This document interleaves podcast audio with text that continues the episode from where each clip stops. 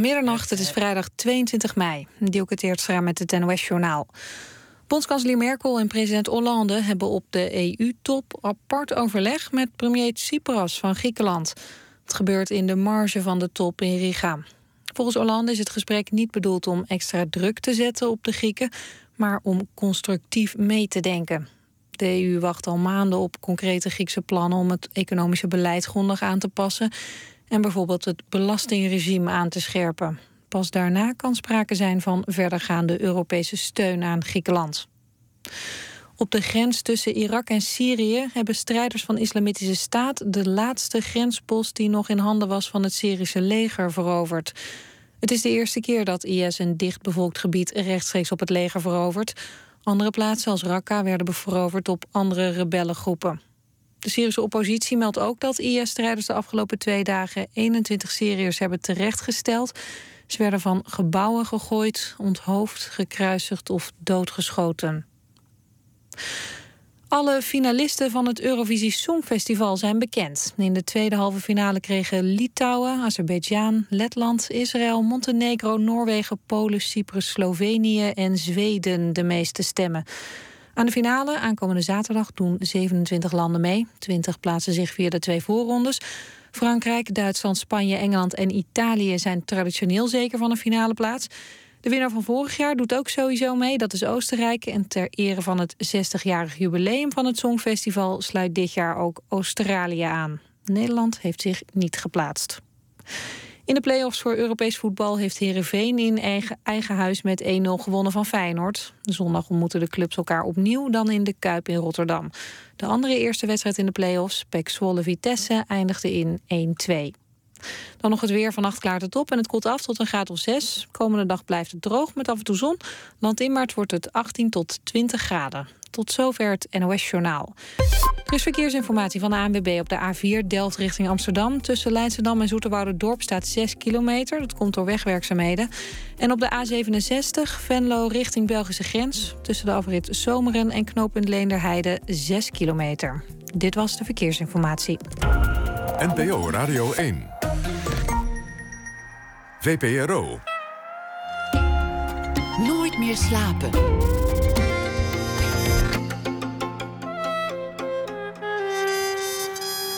Met Pieter van der Wielen. Goedenacht en welkom bij Nooit meer slapen. Over Andy Warhol gaan we het hebben na één uur. Zeldzame films die hij ooit maakte in de jaren 60 en 70... die zullen volgende week in Amsterdam vertoond worden. Jeroen Teunissen, Vlaming en schrijver, zal deze week elke nacht de voorbije dag samenvatten. Dat doet hij ook vandaag. En het leven van kunstenaar Ruud van de Wind werd na zijn dood voortgezet. We gaan uh, op bezoek bij zijn werk, ook dat na ene. Maar we beginnen met Douwe Bob. Passion is de titel van het uh, lang verwachte nieuwe album. Zijn tweede album, zijn stormachtige debuut, heette Born in a Storm. Douwe Bob Postuma, geboren in 1992, afkomstig uit Amsterdam. Won ooit uh, de wedstrijd op televisie singer, beste singer-songwriter van Nederland. Zijn doorbraak, heel veel optredens gedaan, waaronder Pinkpop en uh, tal van andere plekken. Heel veel airplay, heel veel aandacht, heel veel gaande. Welkom, uh, Douwe Bob. Dankjewel, dat is een hele mooie aankondiging. Wat, uh, ja, vertel, want, want, op dit moment de plaat ligt er. Het is een, het is een lang verwachte plaat. Er, er is veel gaande. Uh, ja. hoe, hoe ziet jouw week eruit nu? Um, heel, veel, heel veel spelen heel veel promo. Dit zijn een van de leuke dingen. Ik uh, luister heel, heel vaak uh, naar jou s'avonds. Leuk om te horen. Ja, ja. dus ik, uh, ik vind het heel tof om hier te, hier te, hier te zitten bij jou. Dit zijn, ehm, weet je, dit is heel tof. Ik vind het heel leuk om te praten over mijn, over mijn, over mijn, over mijn werk en over mijn eigen plaat. Um, we hebben er hard aan gewerkt.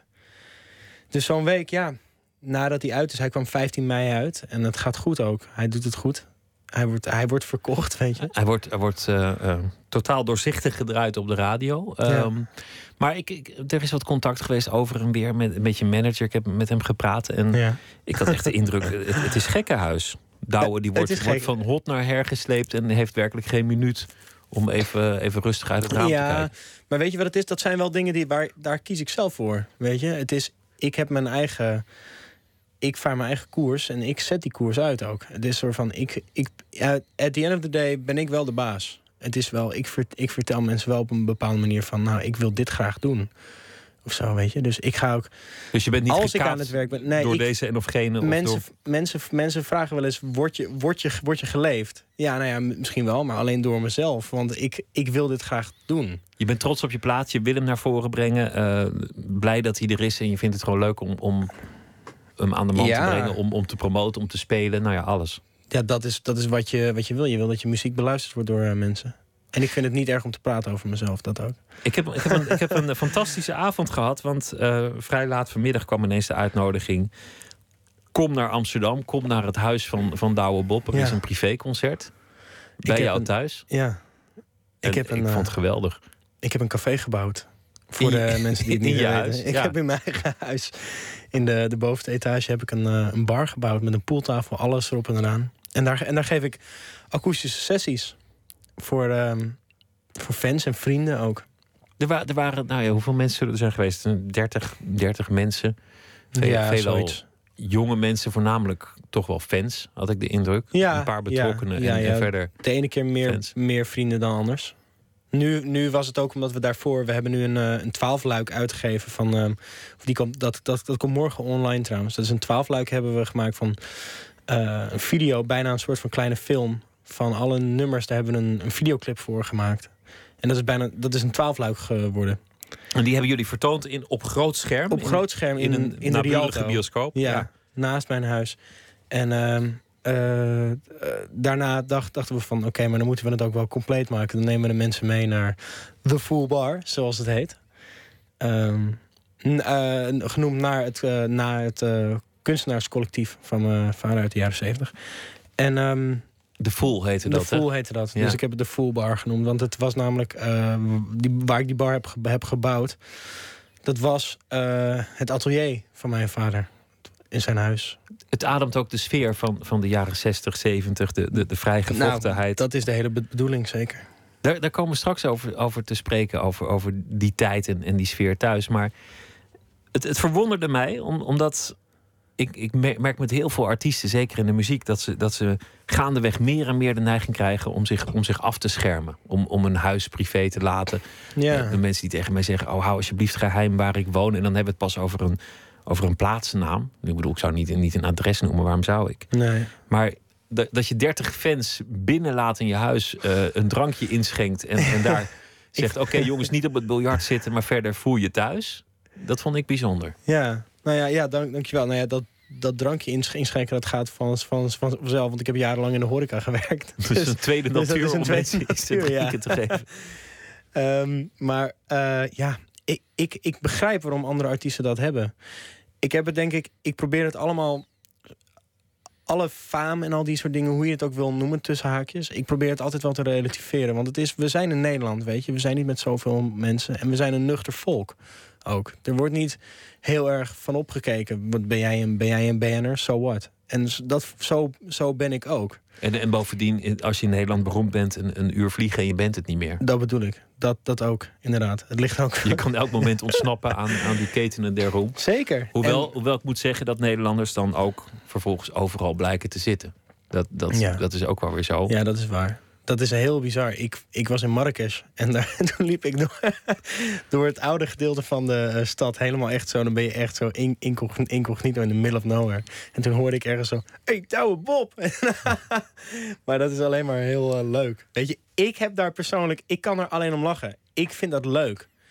Ik vind, het ook, ik vind het ook juist leuk als mensen naar mij toe komen en mij vragen om juist om op de foto te gaan of iets te ondertekenen of een plaat te, te kopen. Ik kan niets meer zijn dan blij. Want ik weet, ik ben me bewust dat wat ik heb is toch ergens wel. Weet je, het, het- je bent niet meer waard als dat mensen vinden dat je bent.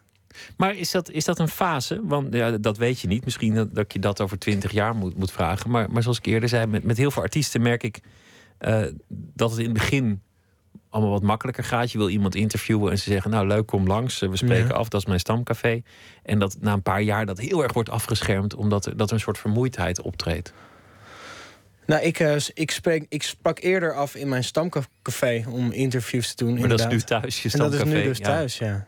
Ja, ja ik, ik heb het gewoon niet. Ik, hebt- ik zou nooit- graag een mooie anek- anekdote geven, maar ik voel het niet. Ik heb dat niet.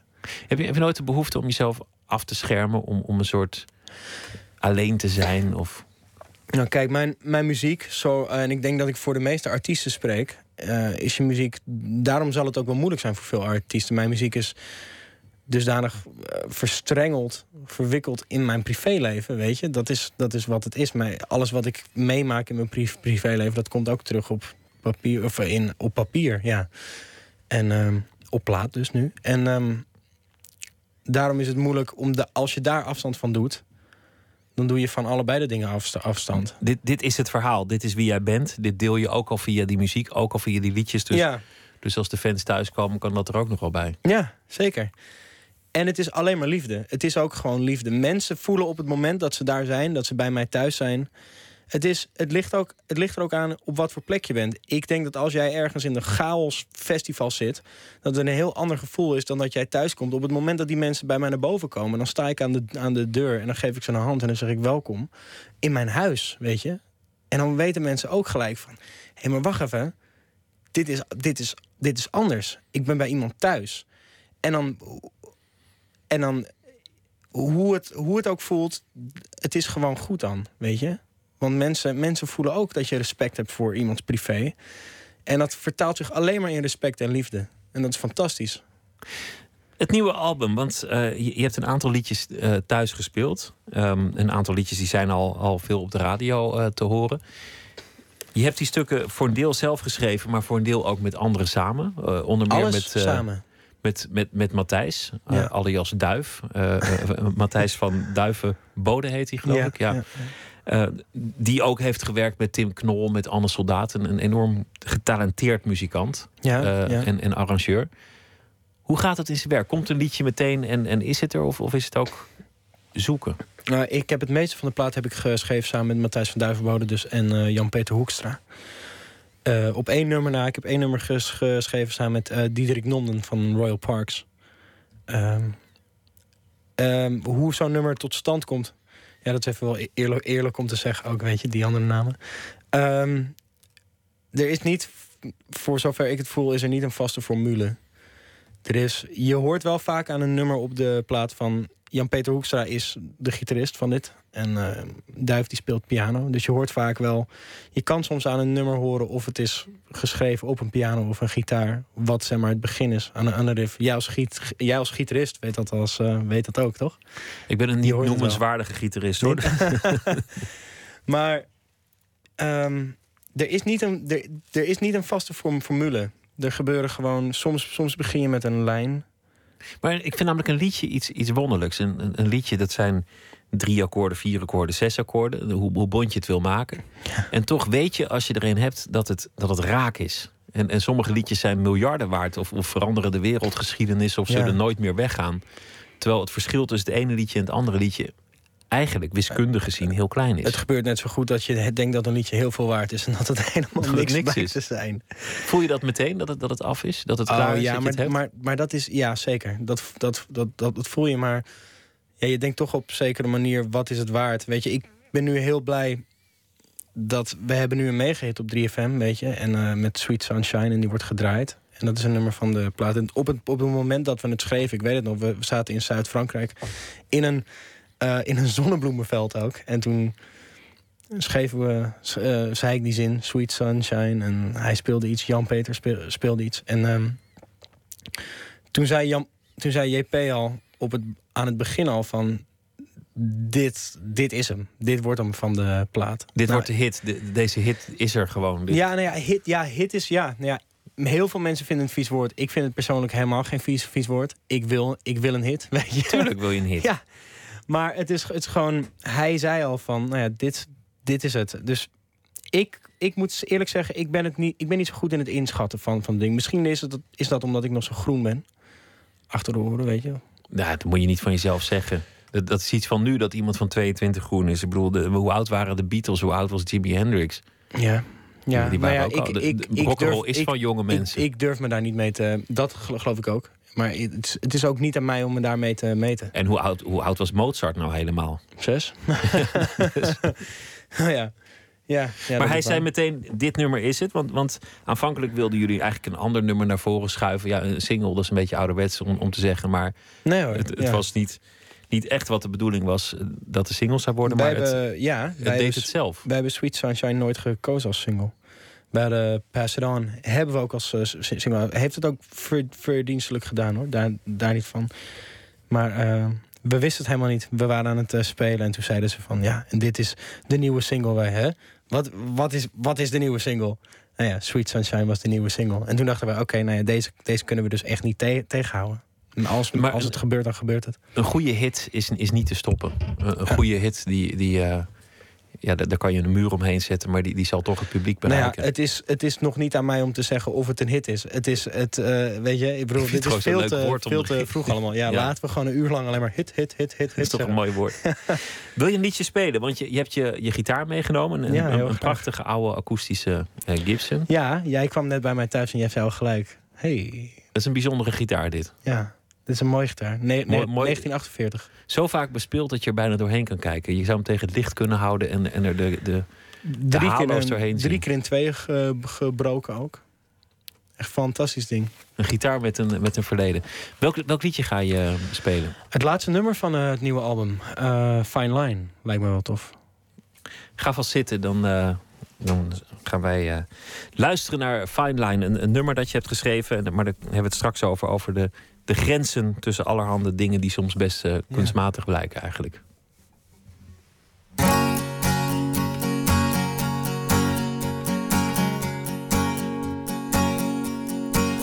They drew a fine line between the good and evil. They drew a fine line between the right and wrong. See, one man kills and gets the chair, another kills and gets a medal. They drew a fine line between the right and the wrong. They drew a fine line between the man and people. They drew a fine line between the blacks and whites. See, one child is born free while the other is born in shekels. They drew a fine line between you and me. They drew a fine line between the grave and cradle. They didn't draw no line between the state and church. See, one child grows up to command the other child to listen. They drew big fat lines all across the earth. They run their country on amphetamines. They run us over with their limousines. Waiting in line for the cash machine. Begging for my money and my hopes and my dreams. They always seem to find another enemy. Cause it's the best way to fuel the economy. And when the have nots rage in the street, they just make come a promise that isn't meant to keep. They drew a fine line. They drew a fine line. They drew a fine line between the good and evil. They drew a fine line between the right and wrong. See, one man kills and gets the chair, another kills and gets a medal. They drew a fine line between the right and wrong. They drew a fine line between the right and wrong. They drew a fine line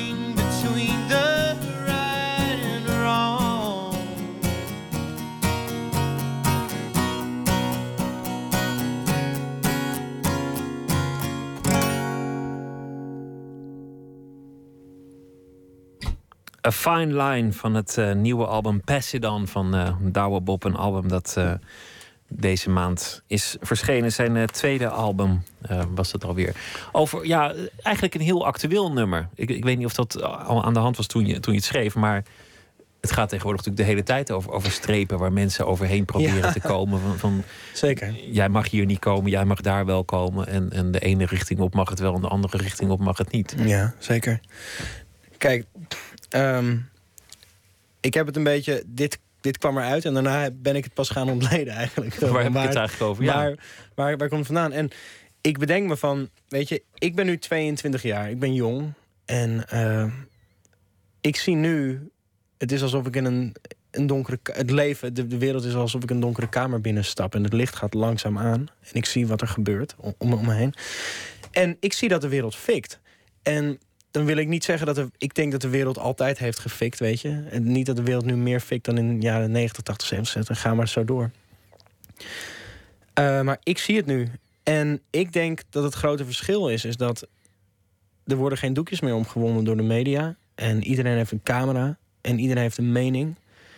En het is zo in your face allemaal. Weet je? Je, je ziet gewoon alles nu. Je ziet alles. Je ziet wat er, wat er ge, gebeurt. Weet je? Je hoeft maar. Ja, ik. En dit, dit, dit, dit was mijn antwoord daarop. Het ja, is... want het, het, is natuurlijk. Je hebt het, al, je hebt het over meerdere uh, fine lines, meerdere, meerdere strepen die getrokken zijn. Ja. Het is natuurlijk Afrika, Europa. Van, nou ja, jij blijft aan die kant van de zee, maar andersom mogen wij wel daar naartoe. Of, maar het gaat ook over een regel die op, op de ene plek geldt en op de andere plek niet. Ja, en het hele ding is zelfs dat ik nog soort van, je kan het een protestnummer noemen, weet je, maar het is niet eens. Het is ja, misschien net stiekem soms even wel, maar ik probeer zo min mogelijk nog met mijn vingertje te wijzen, weet je, want het is, het is eigenlijk probeer ik het zo meer, zoveel mogelijk een vraag te houden, weet je, van is het goed en is het slecht? Is moord niet, niet, niet moord? Waarom als deze, als deze man iemand vermoordt, krijgt hij een lintje... en de andere die iemand vermoordt, die krijgt de elektrische stoel?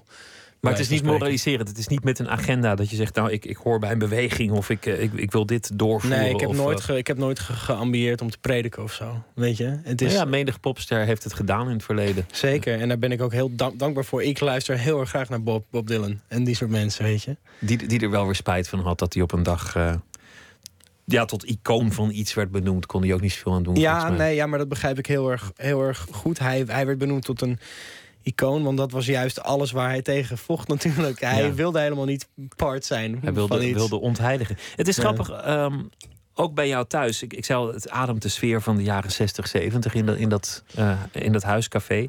Ook de muziek die, die gedraaid wordt, heel veel ja. jaren 70. Um, wij schelen aardig wat in leeftijd, maar dus toch valt, valt wel mee, toch? Nou, ik denk toch een jaartje of uh, 18 of ja, zo. Waar? Ja. Staat je goed. Dank je. maar het is de muziek die ik thuis ook hoorde. Het is de muziek die, die, mijn, die mijn moeder draaide. De, de, mijne niet. Mijne, de, de singer-songwriters. Mijne, mijne, draaide, draaide, mijne draaide Doe maar. De jaren tachtig uh, ja. nog toch is dat wel de muziek waar jij het meest van houdt, volgens mij. Hè? De, de, de echte oude singer-songwriters. Nou ja, noem maar Crosby, Stills, Nash Young. Uh, ja, dat is op de een of andere manier Eagles. Wel. Ja. ja, dat is wel op de een of andere manier het ding waar ik, me het meest naar, waar ik het meest naar neig. Ja.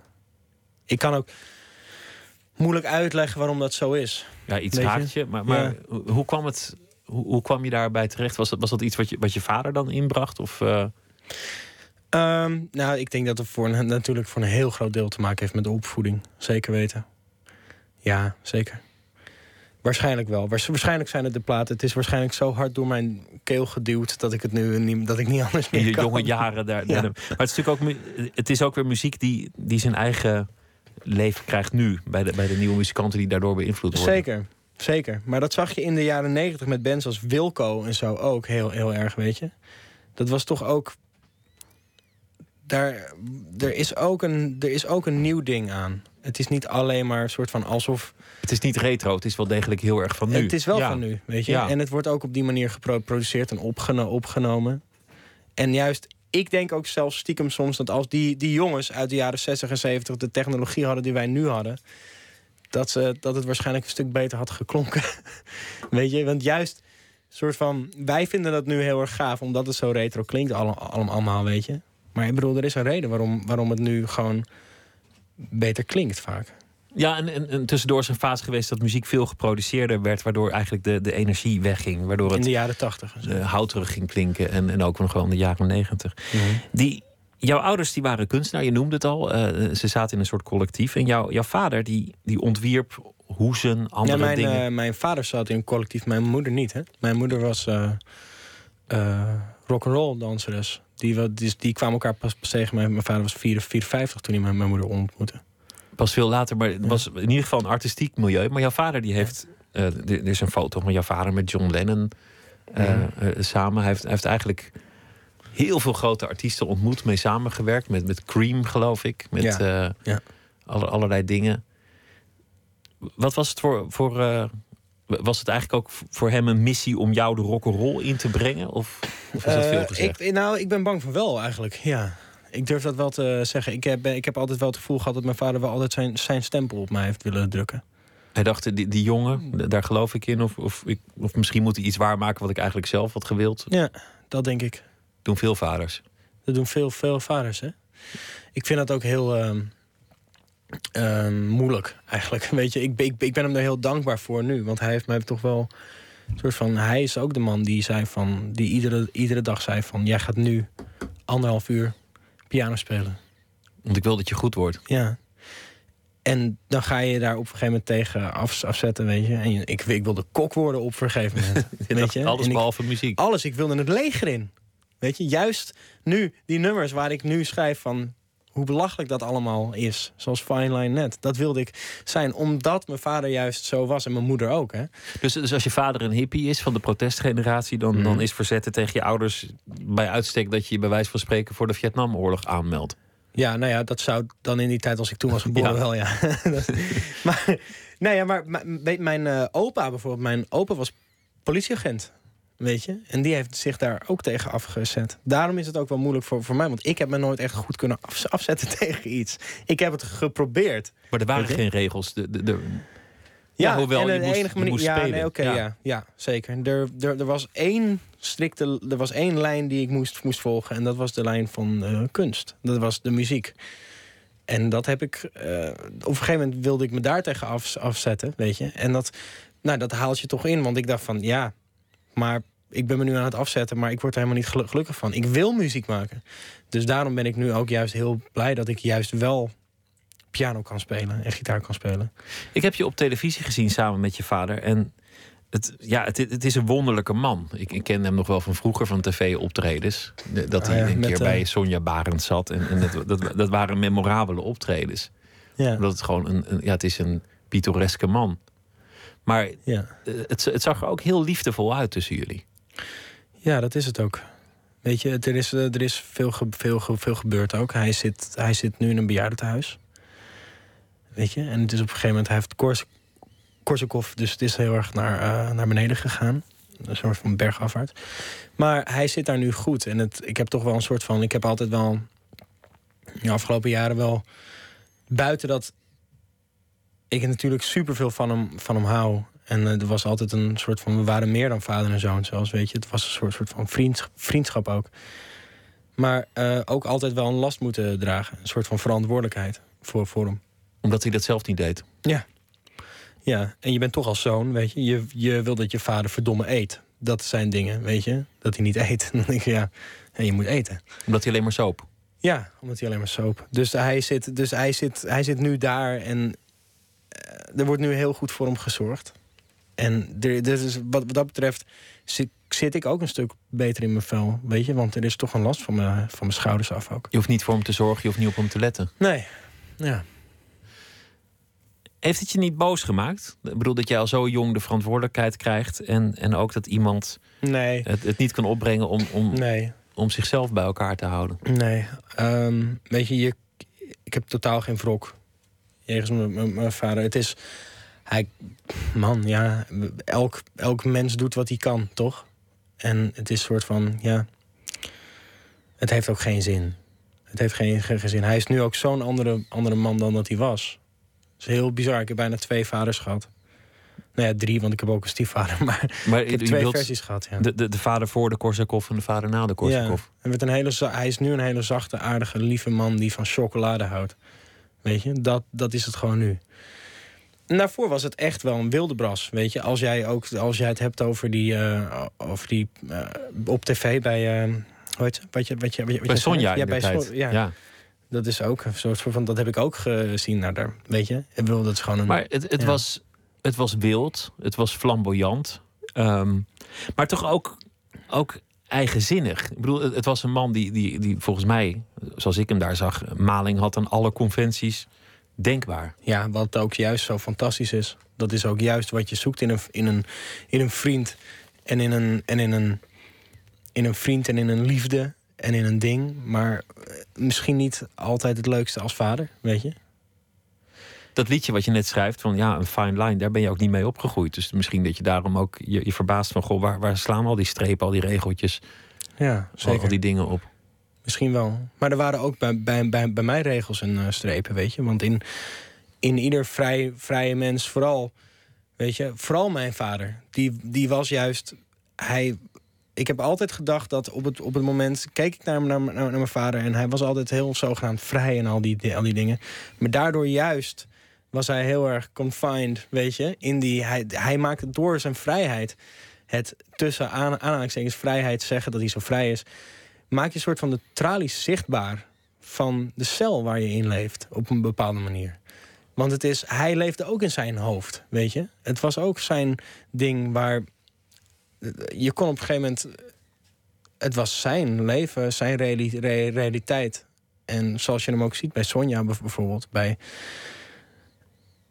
ja, het was de manier waarop er was geen ruimte voor eh, andere denkbeelden. Nee. Nou, een verslaving is natuurlijk ook een, een tegendeel van, van vrijheid. Ik bedoel, Zeker weten, ja. Ik- tuurlijk, ik ken heel veel mensen die, die een, een, eh, een verslavingsprobleem hebben en dat als, als vrijheid eh, typeren om, om zich te verdedigen. Ja, Dat- ja dat- ik begrijp dat, eh, precies wat je, wat je bedoelt, ja, zeker.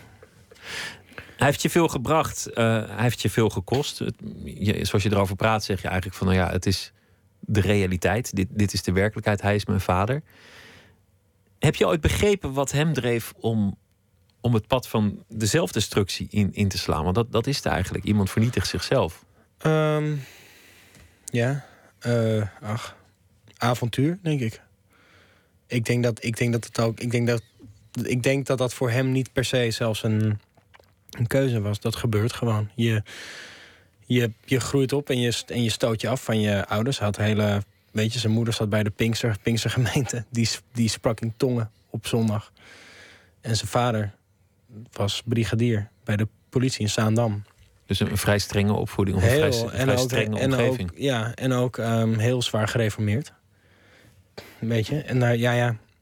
Ik kan, ook, ik kan daar ook niet, ik kan daar moeilijk dingen iets, iets over, over zeggen. Weet je? Het is gewoon, ik, ik heb mijn vader ontmoet in 1992.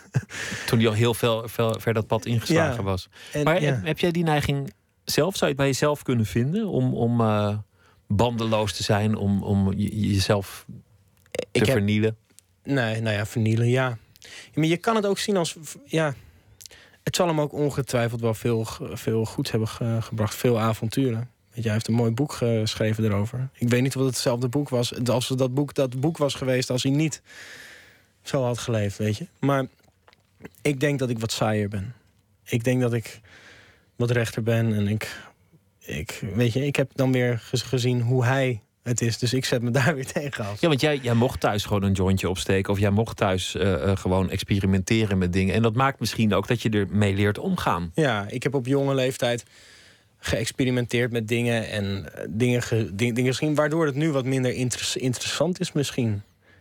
Ik heb, weet je, ik bedoel, ik zie, ik zie vaak mensen die, die, eh, die uit, ehm, weet ik veel, uit Drenthe komen. Bijvoorbeeld een, goede vriend, vriend van mij komt uit eh, Drenthe. Die is, die, is nu, die is nu 25 en die begint nu pas te ontdekken van, oh, hé, hey, maar dit is Amsterdam en zo Dit is allemaal te koop, dit is allemaal mogelijk. Hier, kan ik allemaal heen. Ja. Misschien is, En, ik eh, denk dat, het, dat een te beschermde opvoeding misschien wel gevaarlijker is dan een te losse opvoeding. Misschien wel, ja. Maar ik ben geen groot pedagoog. En hoop ik, ook niet te worden. Maar Nee.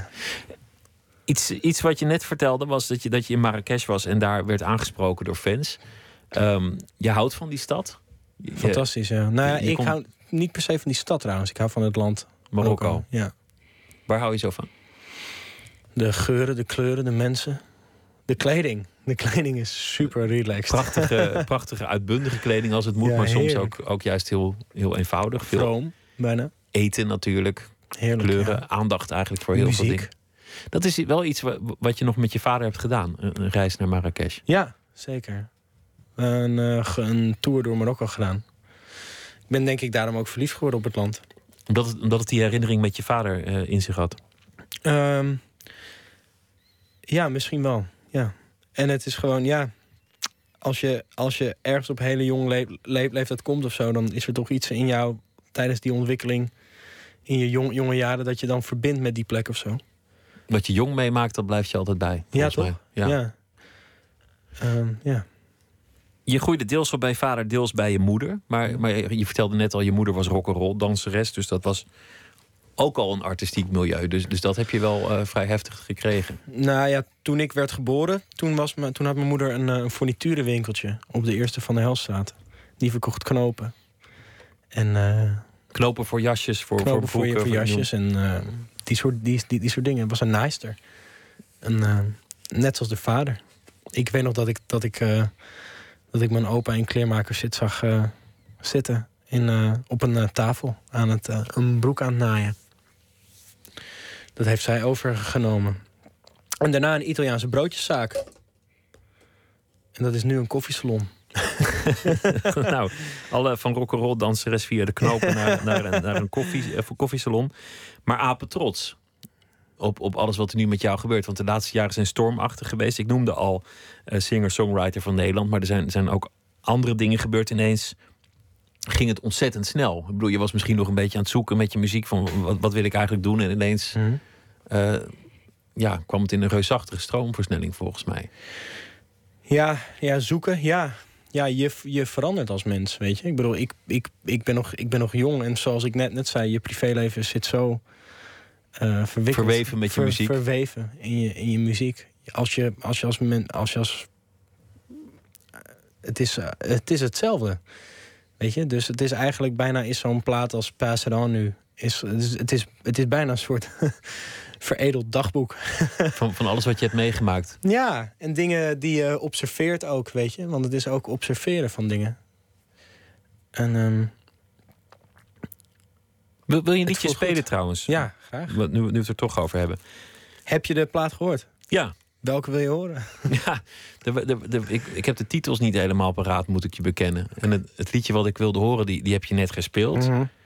En, ehm. Ik bedenk er nog, nog, nog wel een. Heb je, heb, heb je een, een, persoonlijk liedje. Want nu, heb je, nu had je eigenlijk iets, iets vrij politieks. Ja. En, en ik denk dat iets autobiografisch nu ook wel even leuk is. Omdat er een paar wat persoonlijker stukken op staan. Ja, dat is goed. Dan doe ik dat. Hoe heet het eh, stuk wat je gaat doen? Ehm, ik denk dat ik voor Pass It On ga. Oké, mooi stuk.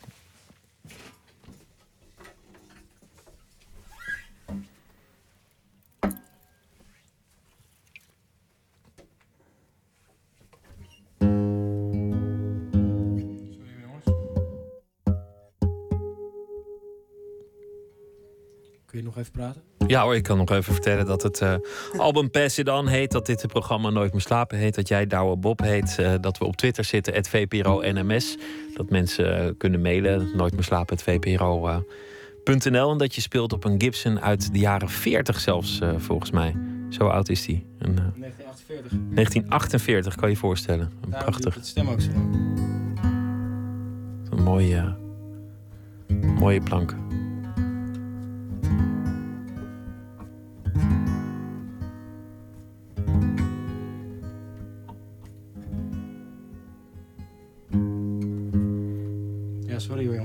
Maar dat geeft niet.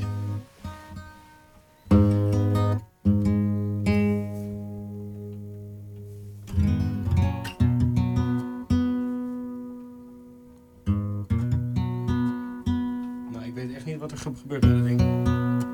Dat krijg je met de oude gitaar dat hij, eh, dat hij moeilijk stemt.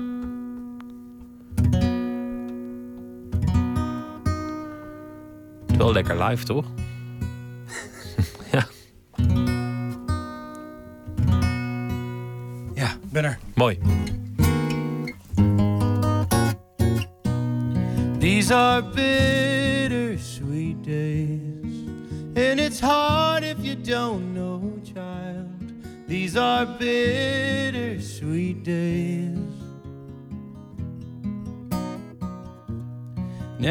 Talk about life, you may think that her love is gone, but you'll find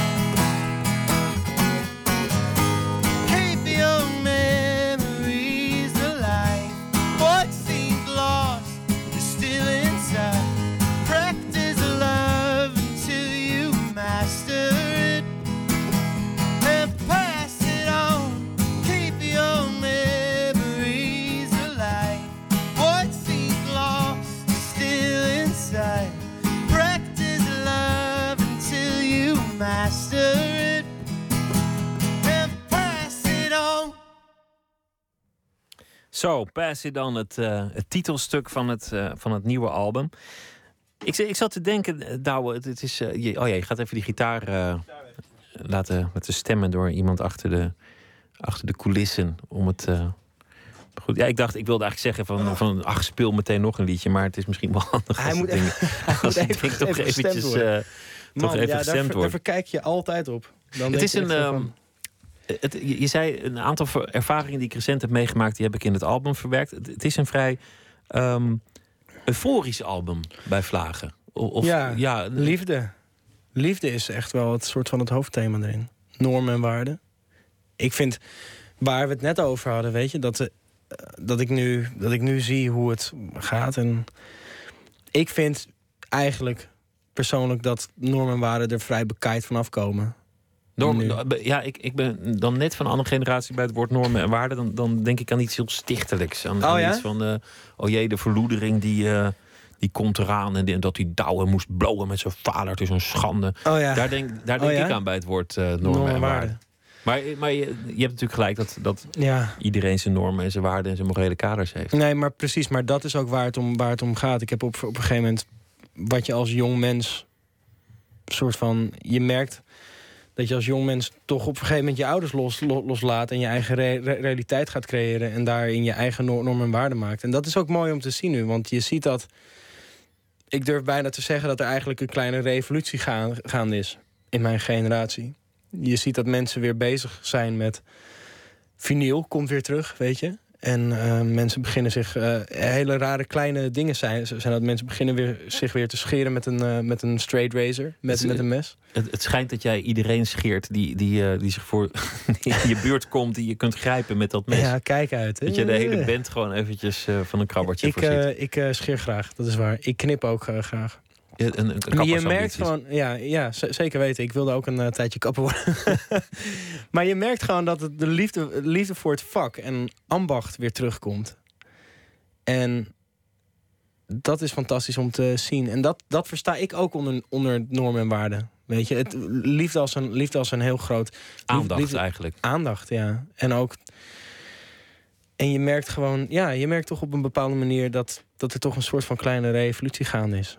Dat gevoel heb, heb ik wel. Maar het is, het is ook wel zo, want, want ik zie dat wel, wa- wa- wat je zegt. Maar, maar tegelijk is het ook wel zo dat het heel erg is gericht op de tastbare eigen leefomgeving. Dus, dus de, de hele grote idealen om, om de ganse planeet te veranderen, Ja, maar ja, hoe. eh, die zijn ja, voorbij. Ja, Misschien ja. ook wel goed hoor, omdat ja, nou ja, dat wat- het nooit wat- ene donder heeft opgeleverd. Maar Wat, wat doe je eraan, hè? Weet je? je hebt geen invloed erop. Nou ja, ja. Je, er, er zijn twee manieren, denk ik, om het te, om te bekijken. Aan de ene kant is het natuurlijk elk, elk beetje telt of helpt of zo. En aan de andere kant is het natuurlijk een druppel op een gloeiende plaat. Maar ik denk dat je wel helpt als je al Je eigen leven goed je op eigen orde hebt. leven goed op orde hebt. En ja, inderdaad. En ehm, ik denk dat het echt begint bij jezelf en bij de mensen om wie je geeft. Weet je? Ik, ik, ik vind het al heel mooi dat ik. Ik, ben, ik heb op een gegeven moment gewoon aangebeld bij mijn, bij mijn buurman. En toen zei ik gewoon van, wacht even.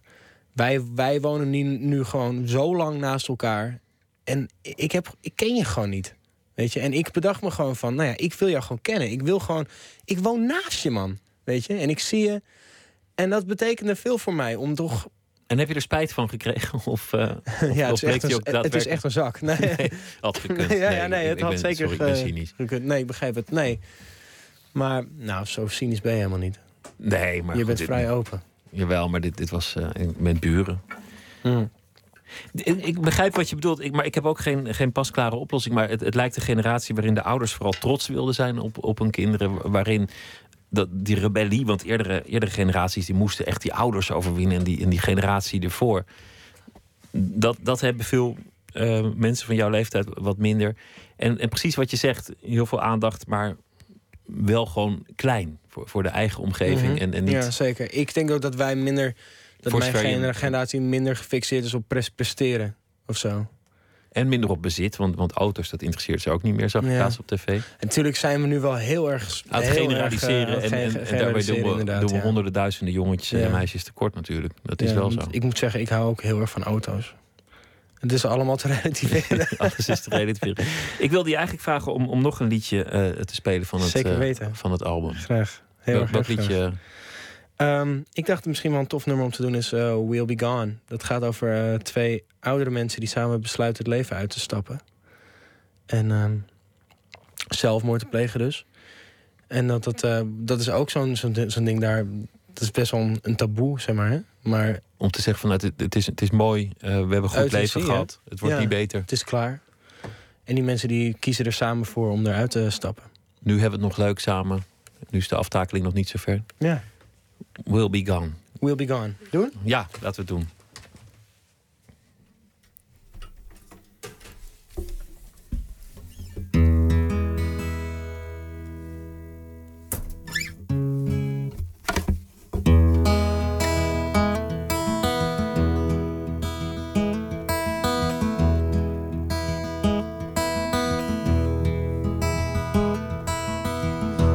Love the smell of all your flowers in the morning. They match the colors of your hair. I love to listen to your song when day was dawning. Seem to forget that I was there. We've seen them coming by and we have seen them leaving. Here's to our lovers and our friends. Now, when we leave, the sea we'll wash away our traces in the sand.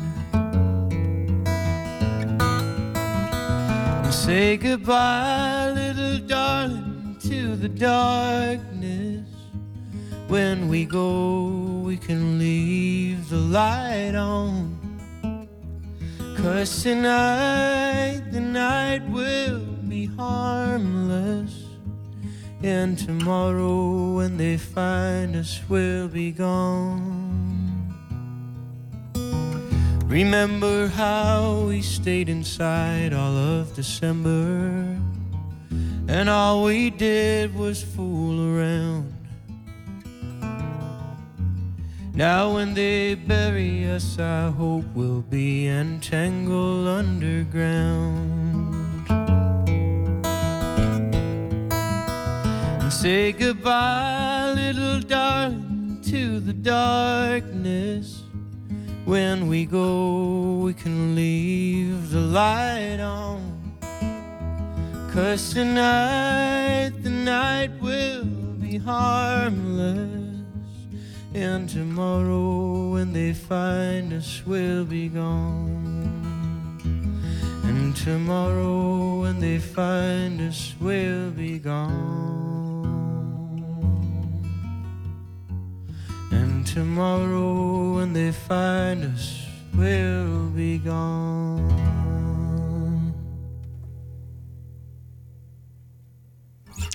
Will Be van uh, Pass It On, het nieuwe album van uh, Douwe Bob... die hier uh, voor in de studio voor mij zingt en ook, ook voor vele anderen. Douwe, dit liedje dat bewijst al een beetje wat ik, wat ik een beetje vermoedde van ergens... Ik bedoel, je zegt zelf, ja, ik ben jong, ik ben jong, maar ergens ben je helemaal niet jong. Dus zit, zit iemand in jou die misschien vanwege de verantwoordelijkheid die je jong kreeg en jong moest nemen, maar er zit, zit ook een soort bijna oude man in je. een oude vent. Nou ja, je bent, je bent, bezig met thema's die, die nog lang niet aan de orde zijn voor jezelf in ieder geval. Vind jij dat?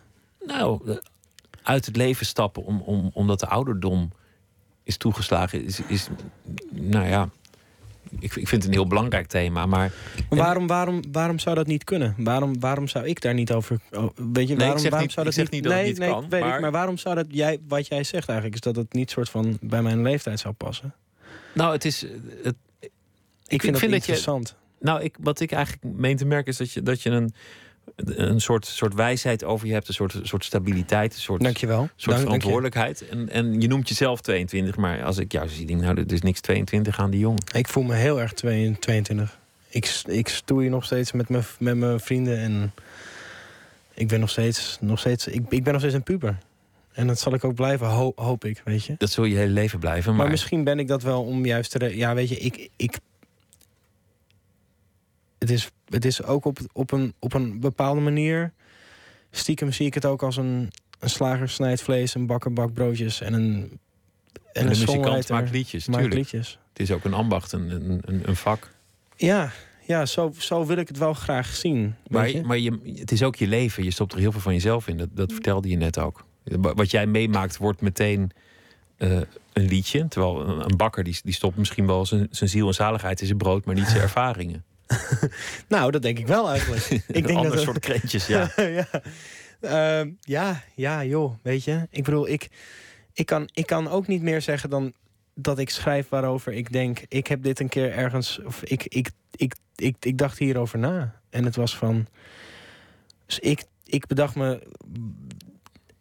de dood kan ook een bevrijding zijn. Weet nou ja, maar jouw, jouw vader, het kan natuurlijk gebeuren. Ik bedoel, hij is, hij is oud, hij, hij is afgetakeld, hij, hij zit in een verzorgingshuis. Ik moest niet aan mijn vader denken toen ik het schreef. Hoor. Nee. Maar is dat is een thema wat waarschijnlijk in je, in je hoofd wel meespeelt. Dat hij, um, misschien niet bij dit liedje, maar dat, dat, het, ja. dat het eindig is. Alles is eindig. Ja. Zeker. Ik, ik ben me ook heel, heel bewust van het eindigen. Daarom is het eigenlijk ook zo'n mooi ding om hierover te schrijven. Want ik ben ook zo... Ik kan me soms serieus een beetje boos maken om het taboe dat er om de dood heen, heen hangt. Er mag niet over gesproken worden bijna vaak in bepaalde kringen. Weet je, het is, het is, het is echt zo. Het is ook angst. Het is angst, het is angst. Dat is wat het is. En hoe mooi is het juist om dit toe te laten, om de dood toe te laten op zo'n manier, weet je, van man, we hebben een mooi le- le- leven gehad en het is nu gewoon klaar. En ik bedacht me, weet je, ja, ik weet niet waar dat vandaan komt. Misschien is dat wel mijn, wel mijn vader. Dat is, dat is niet eens aan mij om dat te zeggen. Ik heb geen flauw idee. Dan, misschien heb ik daar nog duizend uur therapie voor nodig. ik weet het niet. Ja, maar ja. Maar het komt eruit en ik vind het, ik ben heel blij met het eh, nummer. Weet je, daar, dat is waar het mij om, om gaat. Dat is het enige waar het, waar het mij om gaat. Dat andere mensen het mooi vinden dat ik dat schrijf. En dat is het enige dat het waar en is. er iets uithalen wat misschien ook wel weer iets anders is dan wat jij erin hebt gestopt. Ja, en dat, dat ze het kunnen toepassen, weet je. En dat het salvend kan zijn op een be- bepaalde manier. Want muziek kan, kan heel veel eh, troost of, of ook gewoon vreugde of wat dan ook Oh ja, geven. zeker. Je gaat ook weer eh, toeren. Je, ehm, je bent volgens mij iemand die het ontzettend fijn vindt om op een podium te staan. Ah, Om- om, dat, dus je leeft echt op. Dat is wel anders eh, geweest hoor, trouwens. Ja? dat heb ik echt moeten leren wel. Ik heb echt eh, tijden aan het eh, begin, weet je, ik ben, ik ben, ik ben drie, drie jaar geleden eigenlijk echt begonnen met professioneel muziek maken. En ik weet nog dat ik achter in de, achter de, in de coulissen stond bij de Tivoli. En dat ik echt aan het over, overgeven was. Van zenuwen. dat je dacht, ja, ik, moet- ik moet, moet dit gaan doen. Ja. En op, op, op een gegeven moment gaat er, gaat er toch een, een switch om. En is het zo van, wauw, wauw, wauw. Mensen, mensen vinden het tof wat ik doe. En dan krijg je toch een soort van, hoe handel je ook bent, weet je. Ik bedoel, er is toch een soort van wel een moment, om, een mo- moment geweest dat ik dacht van... oké, mensen vinden het wel gewoon gaaf wat ik maak. Er zijn gewoon mensen die het tof vinden. Dus dat geeft een heel goed, goed gevoel. Maar dat is grappig omdat het iets heel intiems is, zo'n liedje. Je, je maakt het in een, in, in een kleine omgeving. Je schrijft het samen met iemand. Ja. En, en als je dan op een festivalterrein staat en er staan 60.000 man eh, met de handen in de, in de lucht. Dan vind jij, vind je dat heel makkelijk. Dat, het stoort je niet. Je vindt het gaaf. Dat, is heel veel artiesten, heel veel artiesten die, die, die kunnen dat niet. Of, of die, Oh man, mijn, mijn, mijn, held, mijn held kon het niet. Nick, Nick Drake, die heeft volgens mij maar één keer opgetreden. En toen ging hij naar huis weer, weet je. Ik bedoel, dat is één van mijn helden dan, weet je. Maar ehm, het is ook een heel ander ding, weet je. Ik, ik begrijp ook... Ik heb het gevoel dat er... Er wordt sowieso van muzikanten anno nu veel meer verwacht dan alleen liedjes, schrijven. Weet je, dat bedacht ik me laatst. Er wordt ook... Het wordt van je geacht eigenlijk bijna een heel sociaal mens te zijn. Hoe je bent, hoe je, hoe je moet praten. Hier op, hier op de radio met, met, je, met, je, met jou. Het is dat ik het leuk vind, weet je. Maar ik bedoel, je moet antwoorden op Twitter. Je moet Facebook doen. Je moet dit doen. Je moet dat doen. Je zus doen. Weet je, ik begrijp dat mensen... Mensen, sommige artiesten... Ik heb het geluk dat ik vrij sociaal ben aangelegd daar, daarmee. Of misschien wel niet, maar ik vind het leuk om te lullen, weet je. ja. En het is, ik, en ik zie andere artiesten en die hebben daar gewoon moeite, moeite mee. En die, die, ja, ja. Weet je, dat, het moet ook. Je, moet contact maken je met je publiek langs, langs allerlei wegen, langs de, de media. En entertainen is daar dus ook een ding, ding van. Je moet, je moet maar net het geluk hebben dat je er plezier in hebt.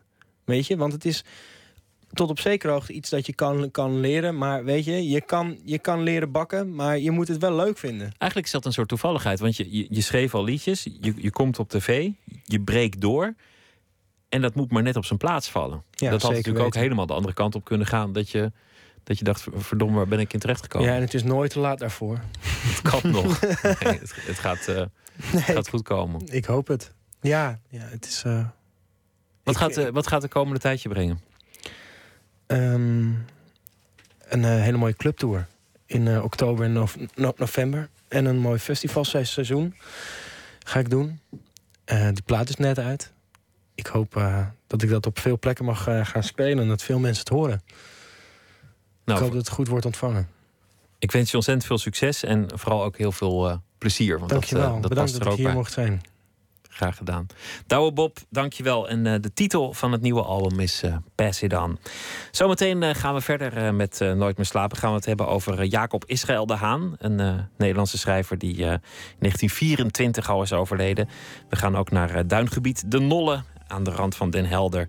Waar het eh, Nolle-project te bezichtigen is van eh, Ruud van der Winten. Inmiddels ook overleden kunstenaar. En u krijgt een eh, verhaal van Jeroen Teunissen deze week, onze chroniqueur. Twitter, VPRO-NMS of via de mail nooit meer VPRO.nl.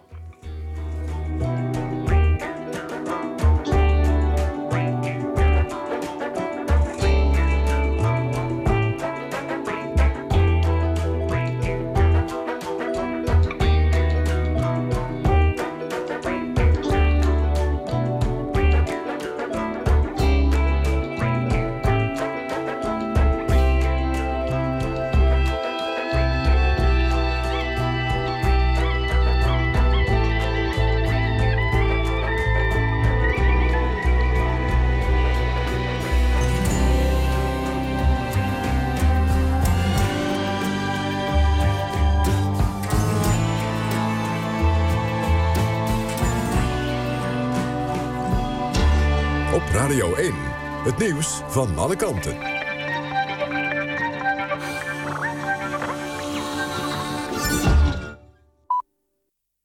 1 uur, Dielke met het NOS-journaal. Een Amerikaans bombardement in Syrië heeft waarschijnlijk aan twee kinderen het leven gekost. Dat wijst onderzoek van het Pentagon uit.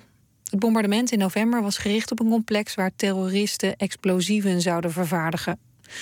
Het is voor het eerst dat Amerika toegeeft dat bij de bombardementen burgerdoden zijn gevallen. Mensenrechtenorganisaties zeiden dat al eerder. Het Pentagon onderzocht in totaal 46 meldingen. In 35 gevallen zijn volgens de onderzoekers geen burgers omgekomen. Tien andere meldingen worden nog onderzocht. Bondskanselier Merkel en president Hollande hebben op de EU-top apart overleg met premier Tsipras van Griekenland. Dat gebeurt in de marge van de top in Riga. Volgens Hollande is het gesprek niet bedoeld om extra druk te zetten op de Grieken, maar om constructief mee te denken. De EU wacht al maanden op concrete Griekse plannen om het economische beleid grondig aan te passen en bijvoorbeeld het belastingregime aan te scherpen. Pas daarna kan sprake zijn van verdergaande Europese steun aan Griekenland.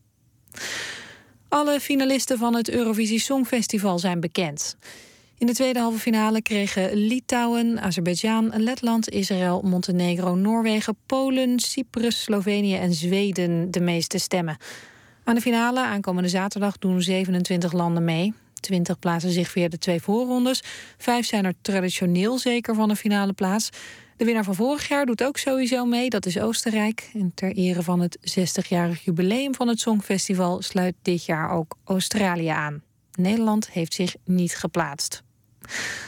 Het weer, vannacht klaart het op en het koelt af tot een graad of 6. Komende dag blijft het droog met af en toe zon. Want in maart wordt het 18 tot 20 graden. Zaterdag loopt de temperatuur iets terug naar 13 tot 18 graden. En dan kan er ook een bui vallen. Tot zover het NOS-journaal.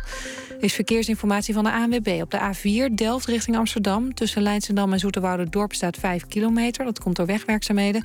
En op de A9 Amstelveen richting Alkmaar. Daar is bij knooppunt Dorp een ongeluk gebeurd. Verkeer richting Alkmaar kan het beste Den Haag volgen... via de A4 en de A5. Dit was de verkeersinformatie. NPO Radio 1. VPRO. Slapen.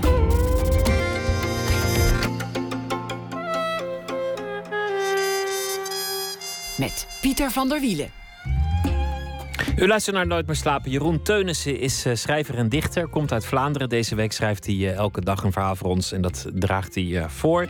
Hij debuteerde in 2004 met de roman De Onzichtbare. Een jaar later het poëziedebuut.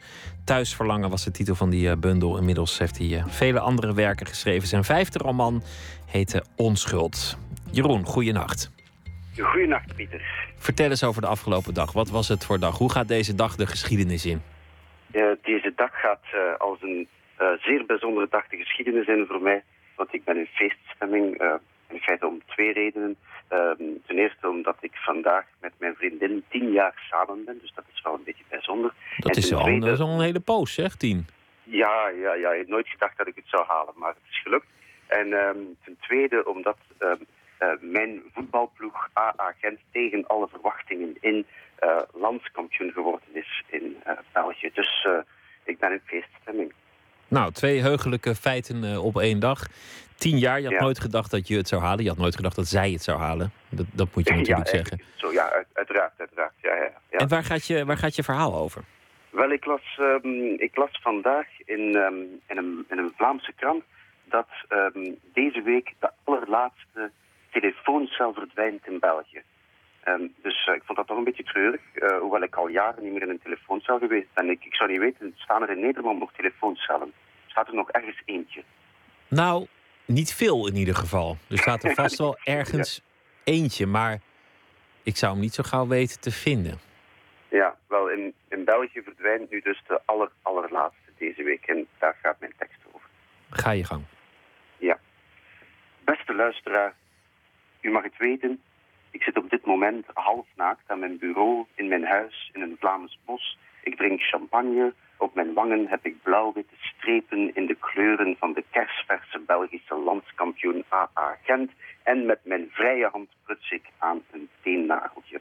Kortom, het is een huiselijke atmosfeer. Het is hier gezellig en deze tekst komt via mijn gsm rechtstreeks bij u thuis naar binnen. Wat een luxe. Het is een groot geluk.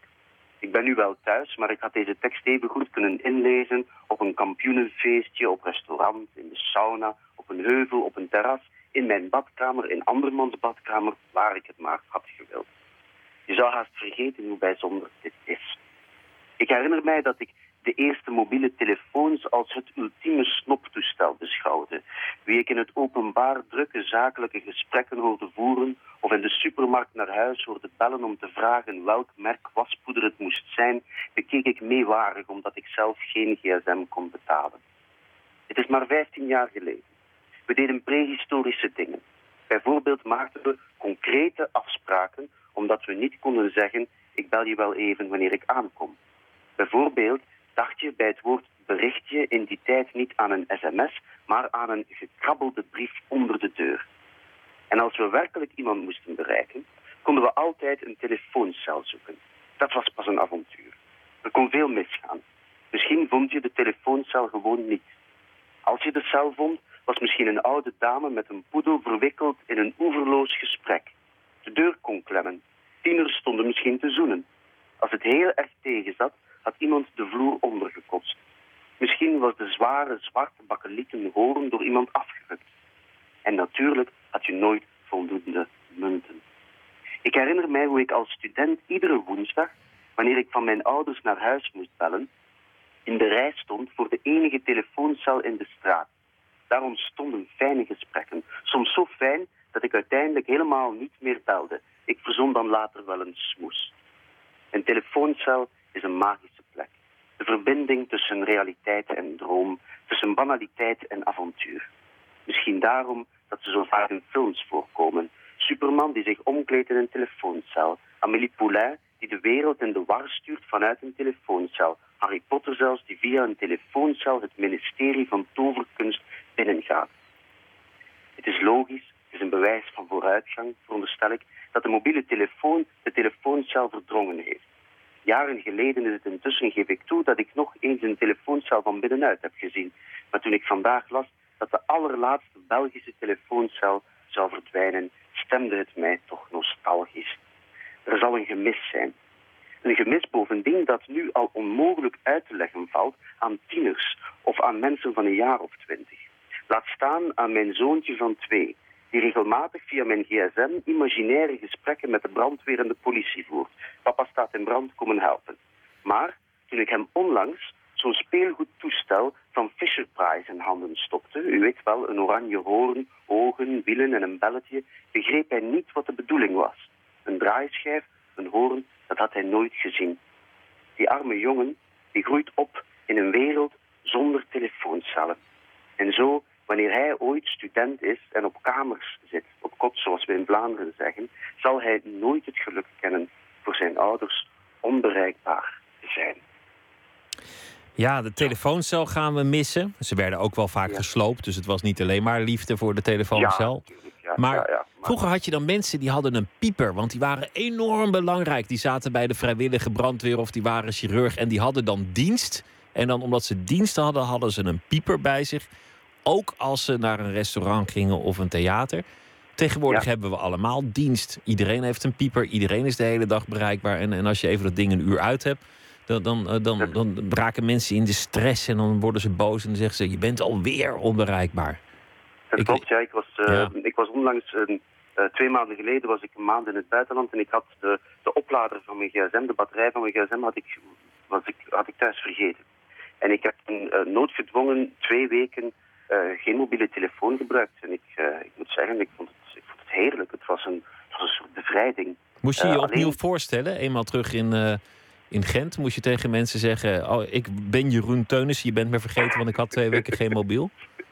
Nee, zo, zo erg was het niet. Want ik had natuurlijk wel in het buitenland nog altijd Facebook. Dus, ehm, dus het lukte nog wel. Eh, ik had nog Facebook en ik had nog een, ehm, eh, een- nog, nog een eh, internet en zo. Dus, eh, dus het lukte wel. Maar ehm, eh, ik zou me niet kunnen voorstellen, denk ik, dat ik... eh, en ik vind het eigenlijk wel een beetje verontrustend. Maar ik kan me niet voorstellen dat ik twee dagen, of zelfs maar een dag, eh, mijn, mijn, mijn e-mails niet, niet check. Dat is, dat is bijna een verslaving. Het is toch... het, is, het is toch vreemd hoe dat geëvolueerd is. Het heeft Ja. veel veranderd. En de telefooncel, althans in België, die is eh ter ziele. Die is weg. Dank je wel, Jeroen Teunissen. Morgen krijgen we weer een verhaal van je. En voor nu wens ik je een hele goede nacht. Dankjewel. Ja, dag. We gaan luisteren naar Heather Nova. Het eh, album dat op het punt staat te verschijnen heet The Way It Feels. En eh, dit nummer mogen we vast draaien, Sea Glass.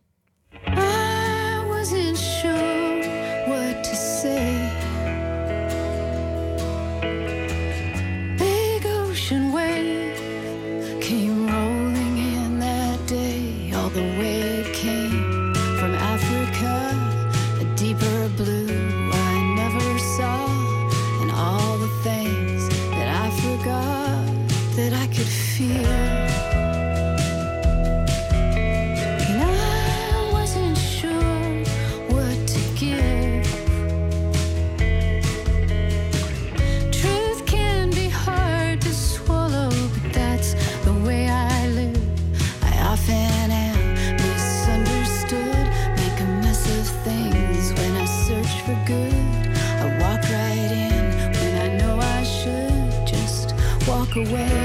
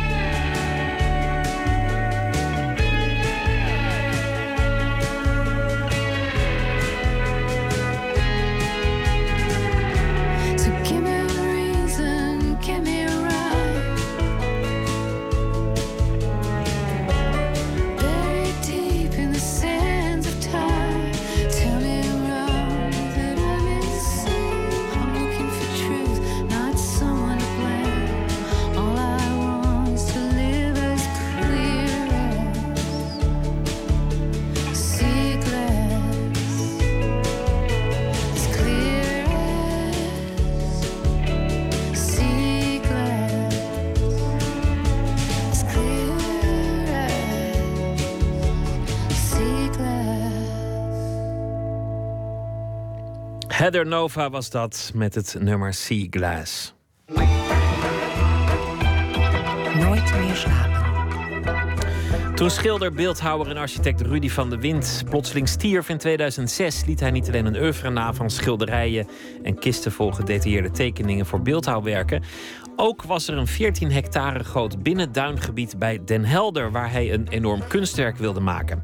Zoons Gijs en Ruud en neef Paul-Jan van de Wind besloten zijn werk voor te zetten en bouwen nu in dat gebied een museum. Tjitske Mussen reisde af naar Den Helder om een kijkje al daar te nemen bij het Nolle-project. Probeer om te draaien. Daarna links afslaan. Als ik aankom rijden in een gebied aan de rand van Den Helder, zie ik de beeldhouwwerken van Rudy van de Wind al boven de duinen uitpriemen. Roodbruine huisjes van kortenstaal en smalle, hoge, groenige pilaren die zachtjes in de wind bewegen. Bestemming bereikt. De Nolle heet het hier. En een nol is een andere naam voor stuifduin. De ingang ligt pal naast station Den Helder Zuid. En bij het hek ontmoet ik Paul-Jan van de Wind, de neef van Rudy van de Wind. Vroeger was hij tv-maker, bekend van programma's met Robbie Muns. En nu is hij een van de drijvende krachten achter het Nolle-project. Hoi, Hoi, Tjitske. Hoi. Ik zag het meteen al liggen toen ik aankwam rijden. Ja, je ziet het wel liggen, maar het is eigenlijk verborgen vanaf de buitenkant. Dus je kan eigenlijk vanaf de buitenkant niet zien wat het precies is. Dat ervaar je pas als je op het terrein zelf bent. En dat eh, duidt ook op veel onbegrip. Want als mensen er gewoon langs rijden, dan eh, snappen ze er niks van. En pas als ze eh, een keer een bezoek hebben gebracht, dan, ja, dan gaan ze echt weg met een ervaring. In 1980 is mijn oom, R.W. van de Wind, bekend onder andere van de schilderingen in de Tweede Kamer, hier begonnen met zijn kunstproject. Eigenlijk een soort experiment voor hem.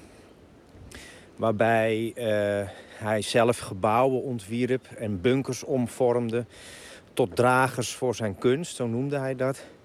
Die ook weer gedragen worden door het landschap. En zo is er een soort totaal kunstwerk ontstaan met sculpturen, bouwsels, bunkers en schilderingen. Maar ook eh, landschap.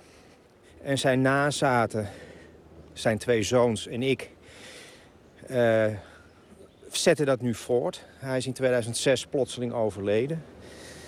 En eh, ja, wij maken nog steeds de sculpturen naar zijn ontwerp. En zijn nu ook een museumcomplex aan het bouwen naar zijn ontwerp. Dit is eh, zijn jongste zoon, Gijs. Dag Gijs. Welkom. Tjitske Muske, hallo. Hey, we draaien de camera naar binnen. Ja, precies. Alleen dan zonder camera. Ja. Gijs van de Wind maakte ook tv-programma's en organiseerde dancefeesten met de naam Ex-Pornstar. Maar tegenwoordig besteedt hij al zijn tijd aan dit gebied. Waar lopen we nu naartoe? Ik zie hier door de bomen een, eh, een, een mooi glazen gebouw. Dit was eh, oorspronkelijk zijn schildersatelier. Hier heeft hij een heel groot deel van, van zijn grote schilderij eh, gemaakt. En dat eh, gebruiken wij nu als ontvangsthal voor de bezoekers. In het atelier ontmoet ik ook de vrouw van Rudy, Rietje. Toen zij hier in 1980 met haar man kwam, zag het er heel anders uit. Eh, het was een soort eh, wasteland. Dus eigenlijk een heel ehm, verlaten landschap. eh, met bunkers. En, en daar zag Ruud eh, ideeën. Daar had hij ideeën voor. Wij liepen hier toen mijn vader begon als jongetjes van eh, vier en vijf rond. En hebben dus eigenlijk alles zien ontstaan. Vanaf het begin dat hij hier voor het eerst met zijn met zijn schep de grond inging. En dat hij hier uitzag als een eh, verwaarloosd eh, dumpterrein, zeg maar, waar, waar de brandweer oefeningen deed. En mensen hun vuil illegaal stortten. En het was een crossbaan.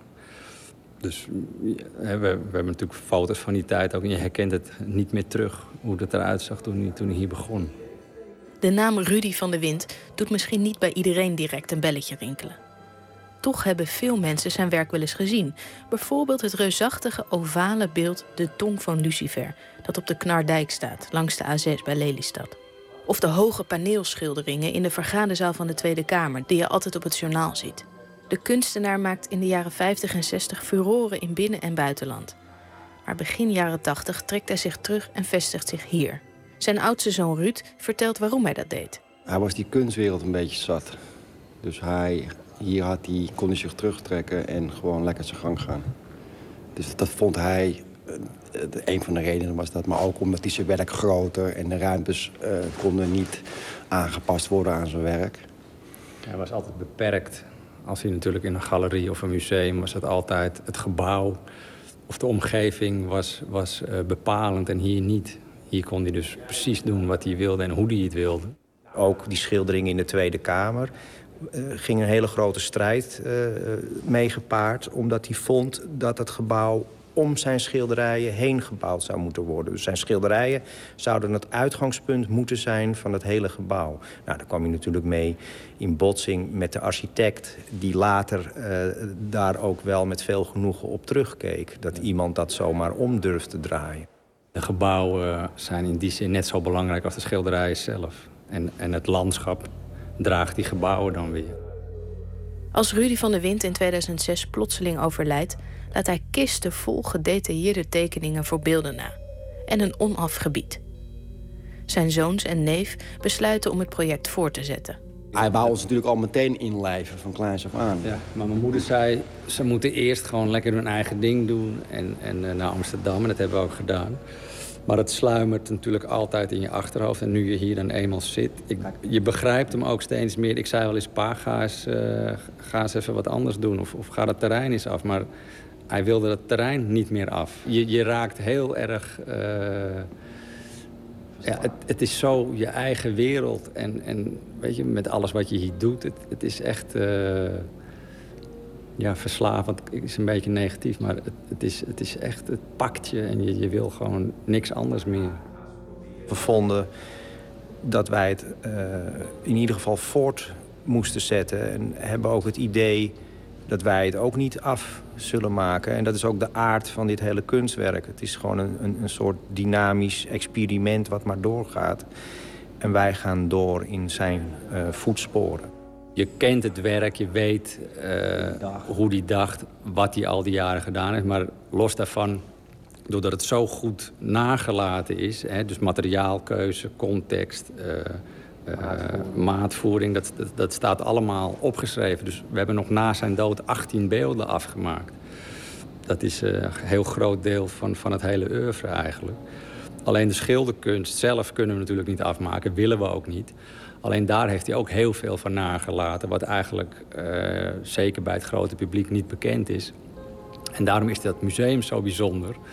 dat we dat, al dat werk wat we geërfd hebben... dat we dat daar tentoon kunnen stellen.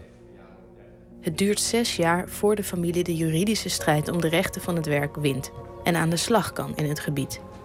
Buiten laten de broers en de neef me zien waar ze de afgelopen jaren mee bezig zijn geweest. Dit, dit gebouw ziet eruit als een kelk, zo noemen we het. Het is een pagodevorm. En dat heeft hij hier in de jaren 90 neergezet. En ook dat gebouw is dus helemaal opgetrokken uit kortenstaal en gewalst in die vorm. En toen hier in vier delen naartoe vervoerd en over een bunker heen geschoven. Dus hij heeft hier de bunker als fundering gebruikt. En nu, we lopen een, uh, ja, we lopen een, een, een klein duintje in. Ja, we zien nu links het museum verrijzen en daarvoor een aantal beelden. Uh, twee obelisken omwikkeld met koperdraad en een schoorsteenachtige vorm. En daarnaast twee schijven en een, en een krul van kortenstaal. En uh, die waren ook onderdeel van de laatste tentoonstelling die hij heeft gehad in het Krullenmuller Museum in 2002 en hier weer teruggekomen. We zien een mooi fan waarin die beelden weer weerspiegelen. Ja, ik ben ook benieuwd, um, Ruud, weet jij, werden die beelden ook indachtig het landschap gemaakt, zeg maar, of geplaatst? Dat hij dacht van, nou hier zo bij dat vennetje en tussen die... Heeft eerst het ven gegraven. Maar dat hoort er ook bij, dat is onderdeel ja. van het kunstwerk. Alles, alles is aangelegd en veranderd. En hij veranderde het ook steeds. Ging hij daar weer wat graven en dan vond hij dit mooi, dan verplaatste hij het weer. Wij zijn nu zelf een heel uh, fan aan het graven daarachter aan een eiland. Kijk, en hier, met al die meipatronen, als je die erin brengt, van het hoge naar dat uh, lage gras, krijgt het terrein ook diepte. Dan wordt het driedimensionaal, waardoor het groter lijkt. En allemaal verschillende kleuren groen. Dus het is het niet zo als je het dicht laat groeien, dan, dan valt dat helemaal niet op. We zien dus van achter, achter de duinen uh, uh, komt dat uh, museum langzaam op. Er staan nu grote betonblokken. Ja. Um, dat museum dat was ook al een plan van jouw vader zelf, toch?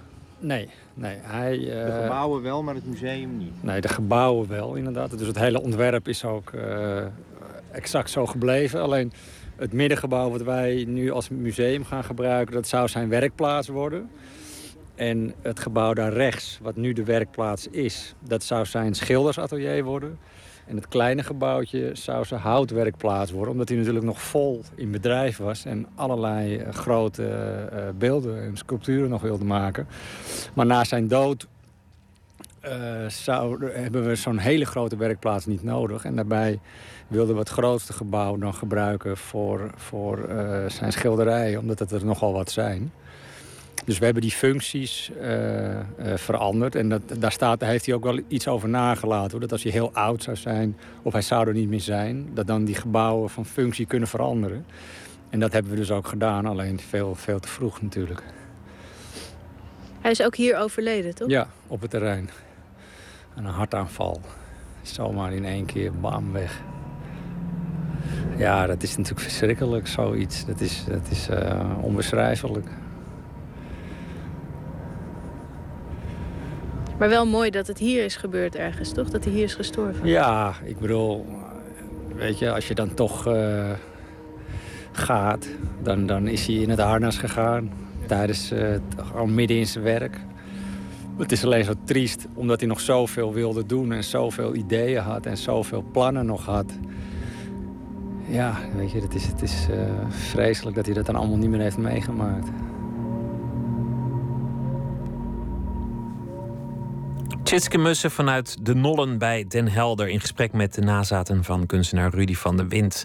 Het uh, Nollenproject is te bezichtigen. Het is een uh, gebied met beelden, huisjes, schilderingen in bunkers. En dat ligt pal naast het station Den Helder-Zuid. Open van donderdag tot en met zondag. En dus ook dit Pinksterweekeinde. Kijk daarvoor op projectdenollen.nl. Leon Bridges werkte tot voor kort als bordenwasser. Hij is 25 jaar oud. In zijn vrije tijd liep hij avonden af waar hij ging optreden. Een toevallige ontmoeting met bandleden van de band Within White Demin leidde tot een uh, sessie die weer leidde tot uh, een van de liedjes die we nu gaan draaien, Lisa Sawyer.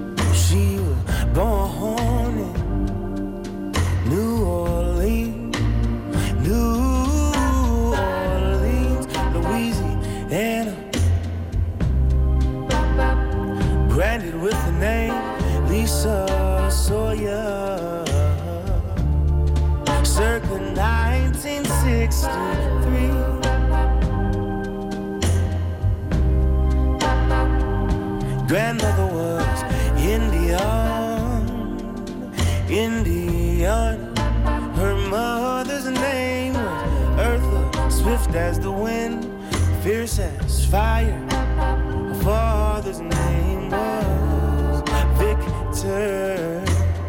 Worked two jobs to provide for his flock.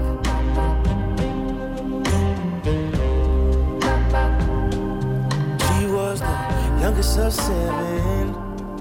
Seven. She grew up on Louisa Street. Chaos around, but inside cozy. Small, but a mansion in her eyes. I, I, mansion.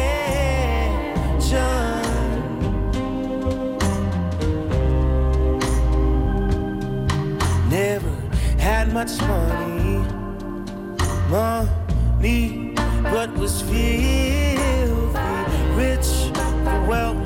Couldn't get from a dark casino, a lottery ticket. They had love, love, love,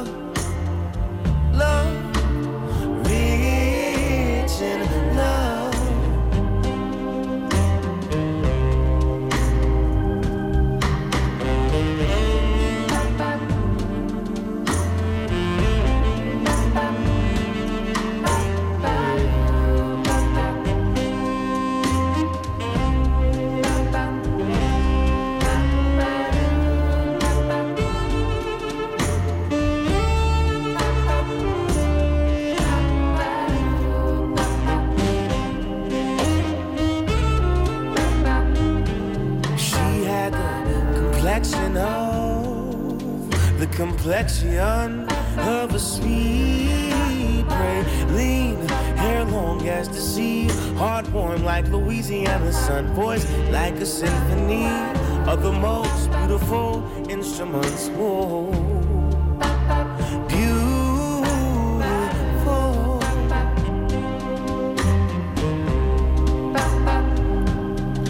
At the age of 16, 16, she found Christ at an altar. All along, he was calling her name. The gospel spoken from an old wrinkled rain. Man, man,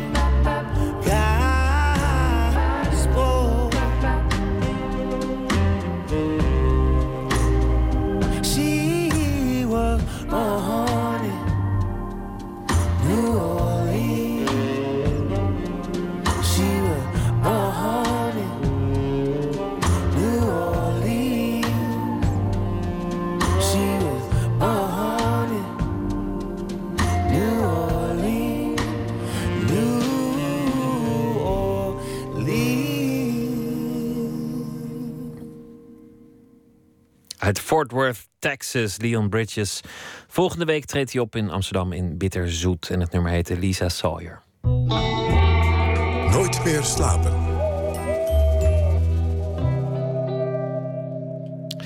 Tijdens de kunstdraai, zo werd vandaag bekend, zullen oude films van Andy Warhol te zien zijn. De kunstdraai opent volgende week woensdag. En dan eh, zijn er 22 zeldzaam films, eh, zelden vertoonde films van Warhol al daar te zien. Botte Jellema is onze nachtcorrespondent. Heeft zich eh, in het thema verdiept. Botte, films van Andy Warhol, waar gaat het over? Ja, kunstfilms natuurlijk. Hè. Eh, het zijn vooral kunstfilms. Warhol heeft tussen 63 en 1968 eh, zo'n 60 stuks films gemaakt. In de jaren 70 wilde Warhol niet meer dat ze vertoond zouden worden. Dus ze zijn eigenlijk jarenlang onbereikbaar geweest. En daardoor zijn het he- niet heel erg wijdverbreide eh, films eh, geworden. Nog even afgezien van het feit dat het niet echt een soort romantische komedie is. Dat je eventjes op een avondje aanzet, zal ik maar zeggen. Ehm, maar de Amsterdamse galeriehouder Bob Malash... die heeft een eh, verzameling aangelegd. En die stelt ons nu dus in staat om deze films te gaan bekijken. En dat is toch vrij uniek. Kun je iets vertellen om een beetje een beeld te krijgen om wat voor films het dan gaat? Ja, kunstfilms. Wat, wat, wat zie je dan? Ja, nou, dat kan natuurlijk alle kanten op. Maar er is een mooi voorbeeld. eh, dat is bijvoorbeeld de film Sleep, die hij heeft gemaakt. Eh, daarin heeft Warhol, de dichter John Giriono... zes uur lang slapend gefilmd. Nou, daar kun je dan mooi naar kijken, of niet. Een andere film is eh, een film met de titel Blowjob... waarin ook precies gebeurt wat de titel vertelt.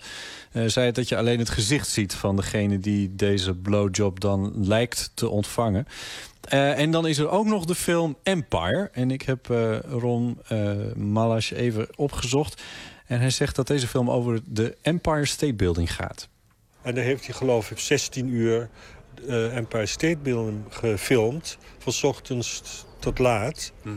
En het is zo fascinerend om te zien, vind ik. Want het is dus een soort heel langzaam veranderend eh, eh, schilderij eigenlijk. Heel bijzonder. In hoeveel tijd trekt zoiets dan aan je oog voorbij in die film? Nou, ik, ik wilde eigenlijk die eh, eh, 16 uur laten gaan. Maar dat vonden ze bij de kunstenaar toch wel een beetje erg ver gaan. Dus heb ik er maar 16 minuten van gemaakt. Oh, ja. nou, kijk eens aan. ja, ja, ja, ja. Nou ja, en zo zijn er dus in totaal 22 films eh, van eh, een verzameling van screentests uit The Factory, hè, dat beroemde kunstenaarszaal van Warhol zelf, tot aan eh, ja, een soort cowboyfilms eigenlijk. Zeldzame films, hoe, komt eh, die Rob Malash daaraan? Nou, hij verzamelt ze. Hij haalt ze van, eh, van over de hele wereld. Hij zegt, eh, ik ga winkels in, ik ga musea in... En dan, eh, en dan koop ik ze als ik er een beetje aan kan komen. Want dat valt nog niet mee om eraan te komen. Maar dat is heel moeilijk, want die films zijn niet eh, in het reguliere circuit terechtgekomen. Dus al die bedrijfjes waar hij dus mee werkte, die producenten zijn allemaal failliet of dood of weet ik veel. Ja. Dus eh, dat is heel moeilijk om aan te komen. Ja, en dan staat het op banden, videobanden, eh, oude film. Dus dat is ook wel fragiel nu. Het is een beetje kostbaar om dat dan mee te, mee te nemen en eh, te vertonen. Je wil ook niet dat zoiets stuk gaat. Het zijn echt museumstukken. Dus eh, hij heeft het eh, over laten zitten op dvd... Zoals het, zodat het dan straks vanaf dat medium is te zien op de kunstrij. Ik heb Rob ook gevraagd naar welke film er voor hem een beetje uitspringt. En dat zijn er wat hem betreft drie. Eh, Heat, Flash en Trash. Dat is dat drieluik met Joe de Lassandro. Dat was een soort... een van de allereerste, eh, wat zal ik zeggen... eh, homoseksuele... Gigolo's? Ja, het is een soort gigolo, maar heel passief, maar ongelooflijk opwindend en heel mooi. En, maar tegenwoordig heb je daarnaast zo'n eh, Toyboy heet het tegenwoordig. dat was hij echt. Dat was gewoon een soort hoer waar iedereen dol op was. En daar moesten ze gewoon geld voor betalen. En Lou Reed heeft daar een heel mooi eh, liedje over geschreven. Walk on the Wild Side. En dan heeft hij het over Joe. En Joe, dat is dus de Joe de La Sandro van die films. Juist. En he has to pay, you have to pay and pay and pay and pay. Als je iets van Joe de La Sandro wil. En dat had natuurlijk allemaal met seks te maken. Little Joe never once gave it away. Everybody had to pay and pay. A hustle here and a hustle there. New York City is the place where they said, hey babe, take a walk on the wild side. I said, hey Joe, take a walk on the wild side. Ja, briljant nummer. eh, Take a walk on the wild side. Weet je Ja, ook waar dat, dat vandaan zit- kwam? Ja. Nou ja, precies. In die drie films dus. Eh, Heat, Flash en eh, Trash. Daar, eh, daar zit die Joe dus in. Ehm, nou ja, en het gaat niet zelden over seks en over homoseks in die films van Warhol. Je krijgt daarboven, want dat is niet alles natuurlijk... maar dan krijg je ook nog een heel mooi inkijkje in de kunstfilm... van een paar decennia geleden. Toen, toen die film ook voor een groter arrangement aan, aan makers beschikbaar kwam natuurlijk in die, begin, eh, in die begintijd. En ehm, wel grappig is om nog eventjes een fragmentje te laten horen. Eh, eh, dat heb ik genomen uit de film Lonesome Cowboys. Eh, twee mooie jongens die komen op paarden aanrijden in traditioneel cowboy tenue. En hebben dan een uitgesponnen discussie over hun haardracht. should just let it grow a little bit longer here so you can, you know, pull it down how well. You gonna treat me? Uh, of course, know. But you should, you know, just mess it up a little bit. Yeah. See? You stand apart. It sets off your eyes a bit. Yeah. Looks great. Yeah. nou ja, ze zitten een beetje zo wat aan elkaar te frunniken. En even later doet de ene cowboy de andere voor... hoe je oefeningen kan doen om een wat stevigere kont te krijgen. Zodat je dan zo, dat het dan, dan zogenaamd heel handig als je je pistool moet trekken. Nou ja, het heeft allemaal wel zo een beetje zo wat een erotische of homoerotische lading. Hoe bijzonder is het nou dat deze films te zien zijn? Nou ja, ehm, heel simpel gezegd, in de iTunes Store kun je ze niet krijgen, deze films. Eh Bol.com die heeft er eentje. Eh, op YouTube staat wel het een en ander, maar het is heel fragmentarisch. Eh, het is natuurlijk allemaal oud materiaal, dus iemand heeft ergens nog eens wat... en heeft het dan zelf ingeladen. Dus voordat je daar alles gezien hebt, dan ben je ook wel even bezig. Hij heeft dat dus allemaal bij elkaar, Rob. En dat is wel echt redelijk uniek. Rob Malas zegt, ik maak er geen filmletter van, zo vertelde hij. Mochten er mensen zijn die denken, nou ik wil dus graag Flash zien of Trash of Heat of Bad of whatever. Dan hou ik daar wel rekening mee. Dan zeg ik, nou dat, dat, dat, dat, dat vertoon ik dan wel over een uur of zo. Kom dan terug of zo. Je doet verzoekjes. Ik doe verzoek. Het is ook eh, het wel leuk dat mensen geïnteresseerd zijn om die dingen te zien nou ze te zien zijn. Ja, de kunstrij is van eh, 27 eh, tot en met zondag 31 mei. En Rob Melas is galeriehouder. Maakt, eh, hij verkoopt ook boeken, tekeningen, afdrukken, opnames. Noem maar op van Warhol. Het is natuurlijk ook wel wonderlijk met Warhol dat het ooit een anti-kunstenaar was. Dat hij een beetje verguisd is geweest. Heel lang eh, niet echt op waarde geschat. En dat er de laatste jaren in, in de verzamelaarswereld en de museale wereld. een, een enorme opleving van, van de waardering voor Warhol te zien lijkt te zijn. Ik ben Ja, benieuwd nou of ja, dat het- ook, ook voor die films zou gelden. Ja, dat, het, het, het, kijk, met, ik denk eigenlijk met die films, dat zijn wel echte tijdsbeelden hoor. Als je die beelden dan ziet, hoe, hoe dat eruit ziet en, en hoe, hoe die jongens er dan uitzien. En de dames ook trouwens die erin zitten.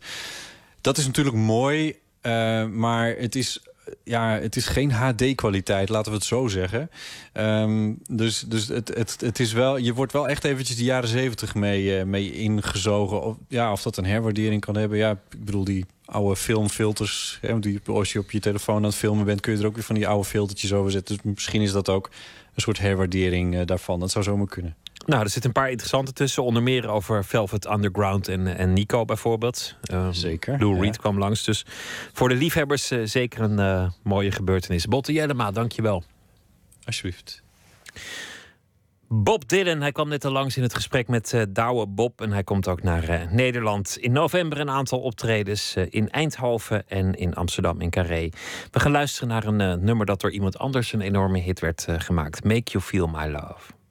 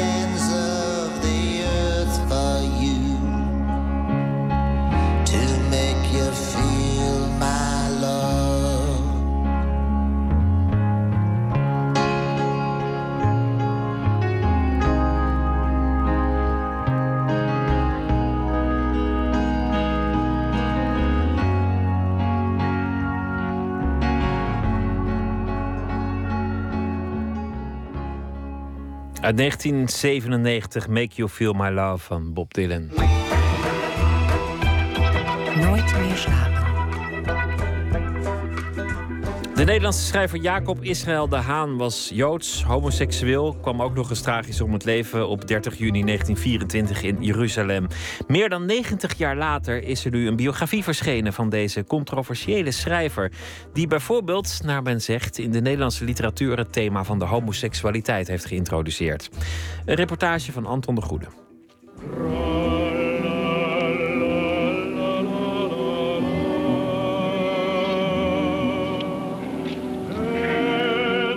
Langs het Guispad tussen Koog en Westzaan ben ik vaak der zomerdagen gegaan. Ga het eenmaal als ik ging en gij zult weten dat ik Holland, te Jeruzalem, niet kan vergeten.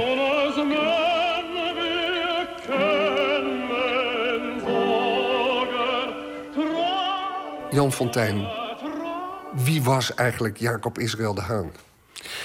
Dat was een eh, jongen uit, eh, geboren in Smilde, in Gorredijk eh, opgevoed en in Sandam opgevoed. En het was een, een zoon van een, van een gazen, dat is een, ja, een soort voorzanger in de Joodse synagoge. We hebben het over het eind van de 19e eeuw waarin hij geboren wordt. Ja. En hij groeit op in een vrij arm milieu, omringd door wat ik niet wist, veel antisemitisme in die tijd. Ja, het was een soort eh, pesterig eh, antisemitisme. Hè. De Joden, hè, in een christelijke omgeving bijvoorbeeld... eh, de, de Joden hebben Jezus vermoord. En dat, dat werd er nageschreven. En, dat, is, dat maakte natuurlijk indruk op een kind. En, en er waren meer van die kleine incidenten. Ja. Nou ja, kleine incidenten. Hij zit zelfs op een gegeven moment op de kweekschool... want hij wil onderwijzer worden. Dan gaan we alweer in de oudere leeftijd. En dan overlijdt er een, een kind aan TBC, of een leerling... En dan zegt een van de docenten, was het haantje maar geweest. Dat was ronduit antisemitisme, toch? Ja, dat was compleet antisemitisme. Hij was niet geliefd op school. Het was een hele, hele moeilijke jongen. En waarom was hij zo moeilijk? Onder andere, ten eerste omdat hij inderdaad een, eh, omdat hij Jood was. Er werd zelfs een gedicht eh, tegen de Joden werd er in het, in het schoolblad ge- gepubliceerd. En, eh, en ten tweede, ja, omdat hij, omdat hij tijdens zijn puberteit ontdekte dat hij homo was. En dat impliceerde nogal wat in die tijd. Hij is de man geweest die eigenlijk de eerste homoseksuele roman geschreven heeft. Pijpenlijntjes speelt zich af in Amsterdam. En nog een boek over een sadomasochistisch thema, pathologieën.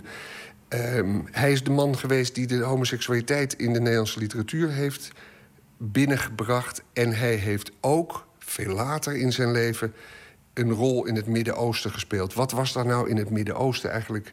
Wat was zijn betrokkenheid? Hoe kwam hij daar? Wat is daar gebeurd?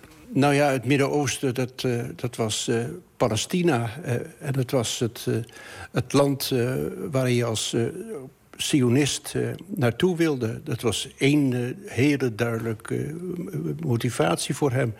En ten tweede, ja, het, Midden-Oosten is natuurlijk ook het... het land van de, van de Arabieren, van de Arabische jongens. Er is in de hele 19e eeuw door mensen als Flaubert en anderen... is er eh, voortdurend... eh, en Oscar Wilde en André Gide... die trokken allemaal naar het Midden-Oosten toe... om daar die, eh, ja, die wat vrijmoedige homoseksuele cultuur... in, in het Midden-Oosten te ontmoeten.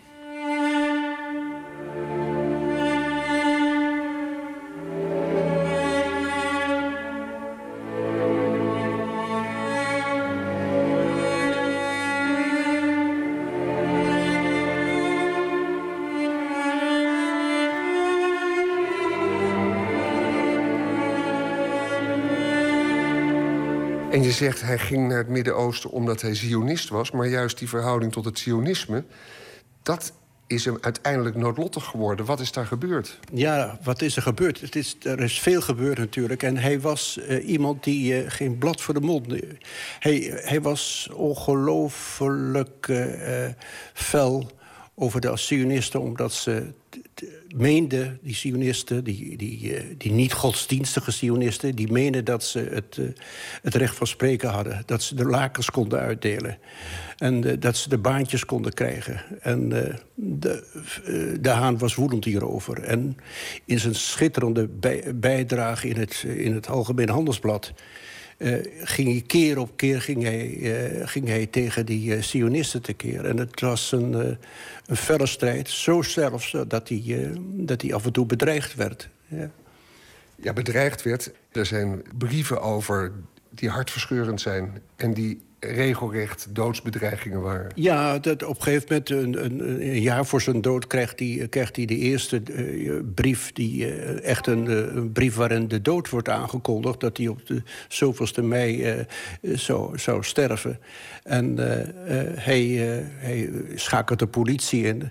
En wacht af wat er gaat gebeuren. En dat, er gebeurt op dat moment gebeurt er niks. Maar de doodsbedreigingen en de, de, die bleven doorgaan. Hij vertelde ook eh, aan zijn omgeving in de laatste jaren van zijn leven... dat hij eh, vermoord zou worden. En dat zei hij een paar keer. En, eh, maar de terugtocht naar Amsterdam... wat toch heel voor de hand ligt zou zijn... die maakte hij niet, nee. Waarom werd hij eigenlijk met de dood bedreigd? Hij werd met de dood bedreigd omdat hij heel duidelijk eh felle kritiek had op de Sionisten. Dat ten eerste. Dat hij bovendien pro-Arabisch was. En de grootste bedreiging was eigenlijk op, op, dat moment, vlak voor zijn dood... dat was dat hij eh, had aangekondigd dat hij samen met de godsdienstige Sionisten naar Londen zou gaan om eh, zijn beklag te doen over de Sionisten in Londen aan de, aan de Engelse regering, die op dat moment het mandaat nog hadden. En eh, dat mocht niet gebeuren. Hij kondigde dat aan op zondag in de kranten. En de maandag daarna werd hij vermoord. In een film van Emile Fallow is ook de moordenaar ooit getraceerd... een aantal jaar geleden, die toen nog leefde en, eh, en bejaard was. So I arranged to, to meet with him in, in the synagogue. And what did he say? What did he say? Yeah. To you? Heretic! God should kill you. God should strike you. Like a crazy man. No conversation. You could not have a conversation with him. There was no other choice. Ja, jij citeert ook die moordenaar van Israël de Haan in je boek. En eh, je laat dan ook iets uit die documentaire ci- citeer je. Wat is het belang eigenlijk van die man nog aan het woord te laten? Nou ja, omdat je duidelijk de persoonlijke motivatie van die man te horen krijgt. Hè. Hij, heeft, eh, hij was woedend. Het was een, eh, een jongen uit Odessa die de pogroms had meegemaakt. Die was uitgeweken eh, via Ro- Ro- Roemenië naar, eh, naar Palestina. En die eindelijk dacht, ik, eh, ik ben het in, het in het land gekomen waar ik, eh, waar ik rust en vrede kan hebben. En wat gebeurt er? Er is iemand, er is een Jood, die, Jacob Israël de Haan dan... die bezig is om, eh, om de boel te vernachelen. En dat nam hij in hoge mate kwalijk, ja. Ik weet zo goed hoe snel ik heb geleefd. En ik weet dat ik daaraan sterven zal. Dat mijn ziel in het Gehinnondal onsterfelijk brandt in vuur en purpervel. Vrienden, begraaf mij tussen vreemden niet. Maar waar het water in de hoge helling bij kleine stad mijner jeugd langs de dijk woelende spoelt en in de diepe delling het gras vochtig bloeit en veldbloemenrijk, leg daar mijn smal en uitgeleden lijk. Hoe luidt uiteindelijk het oordeel over Jacob Israël de Haan? Ik heb me die vraag zelf ook gesteld. En eigenlijk is mijn antwoord, eh, eh, dat is een beetje laf... maar ik kan het niet eh, in een paar woorden zeggen. Dat is mijn hele boek. Het is maar welk point of view, welk gezichtspunt je, je wil hebben... en je komt tot een bepaalde vaststelling. Maar je kan het totaal omkeren ook weer. En dat is, vind ik, ook het fascinerende van, van zijn persoonlijkheid, ja. En was hij een groot dichter? Ja, ik vind hem eh, in sommige opzichten... eh, de kwartrijden bijvoorbeeld, die zijn meesterlijk soms. Ik vind hem ook als prozaschrijver... eh, juist omdat hij durf en lef had, zeer de moeite waard. Zou Jacob Israël de Haan nou tegen de staat Israël zijn geweest?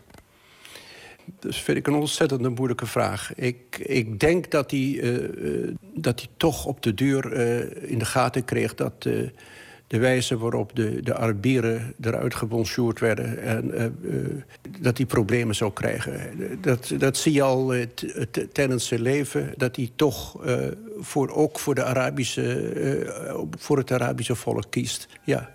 Ik denk dat, niet dat hij dat geaccepteerd zou hebben. Wat ik geschreven heb, dat blijft geschreven. Wat ik misdreven heb, dat is gedaan. Ik sterf getroost. Maar zij, die later leven, zullen mijn lied, mijn leed en mijn hartstocht verstaan. Een reportage van Anton de Goede in gesprek met Jan Fontijn. De titel van de biografie is Onrust. De fragmenten waren afkomstig uit een documentaire van Emile Fallot, uitgezonden in 1991. Ook de opnames van de gedichten kwamen daaruit. En die documentaire is binnenkort weer te zien op uh, het net Cultura. De band uh, Low is een rockgroep sinds 1993 bij elkaar. Het album heet Invisible Way en het uh, nummer dat we draaien heet Plastic Cup.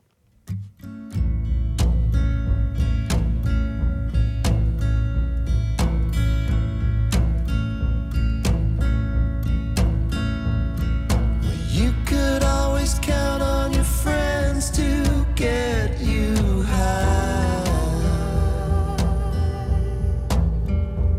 That's right. You could always count on the rents to get you by. You could fly. And Now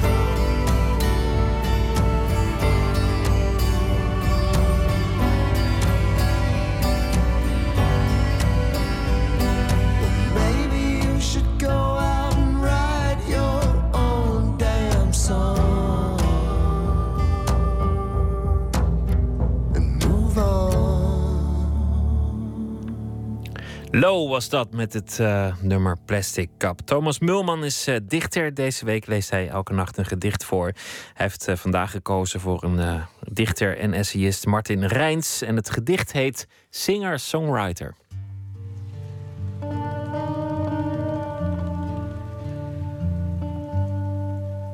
Ehm, dit is een gedicht van Martin Rijns, singer-songwriter. Het komt uit zijn bundel Lopende Zaken van vijf jaar geleden. Ehm, sowieso een prachtige bundel. En wat hij in dit gedicht doet, dat doet hij in meerdere van zijn gedichten. En in dit gedicht het allermooist. Vandaar dat ik het eh, jullie wou laten horen vannacht. Eh, het is ehm, een beweging die hij maakt van een hele kleine, precieze situatie waarin je bevindt en waarin je heel goed naar iets heel kleins kijkt of luistert. Zoals inderdaad dat je probeert je eigen televisiebeelden in je eigen kamertje, in je eentje, precies eh, synchroon te laten lopen met het geluid bij de buren. En vanuit zoiets kleins en particuliers eh, maakt hij een hele grote beweging naar steeds maar meer naar buiten toe, waardoor wat er daar in die kamer gebeurde met die televisie alleen maar van verder af en steeds maar kleiner wordt. En tegelijkertijd de enormheid van alles wat het omringt tot aan eh, nou ja, de Melkweg en de Andromeda-nevel toe. Ehm, de grootheid daarvan, eh, daar eindig je in. Je begint klein en je eindigt oneindig. Singer-songwriter van Martin Rijns. Je zet de televisie aan zonder geluid en zept totdat het beeld klopt met het geluid bij de buren. Nu weet je naar welke serie ze zitten te kijken, maar wat heb je daaraan? Tien minuten voor het optreden komt de singer-songwriter binnen met de gitaar in een gitaarkoffer en nog iets, maar je weet niet wat. Buiten veegt een vermoeide rugzaktoerist het zweet van zijn gezicht en zet een fles water aan zijn mond. In de Himalaya slingeren de godsdiensten langs afbrokkelende bergpaadjes en over hangbruggen boven diepe ravijnen. Wolken slierten trekken langs de hemel. De Melkweg en de Andromeda-nevel stormen op elkaar af.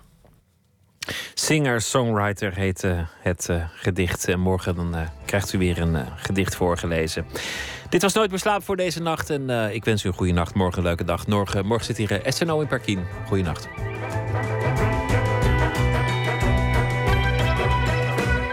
Op Radio 1, het nieuws van alle kanten.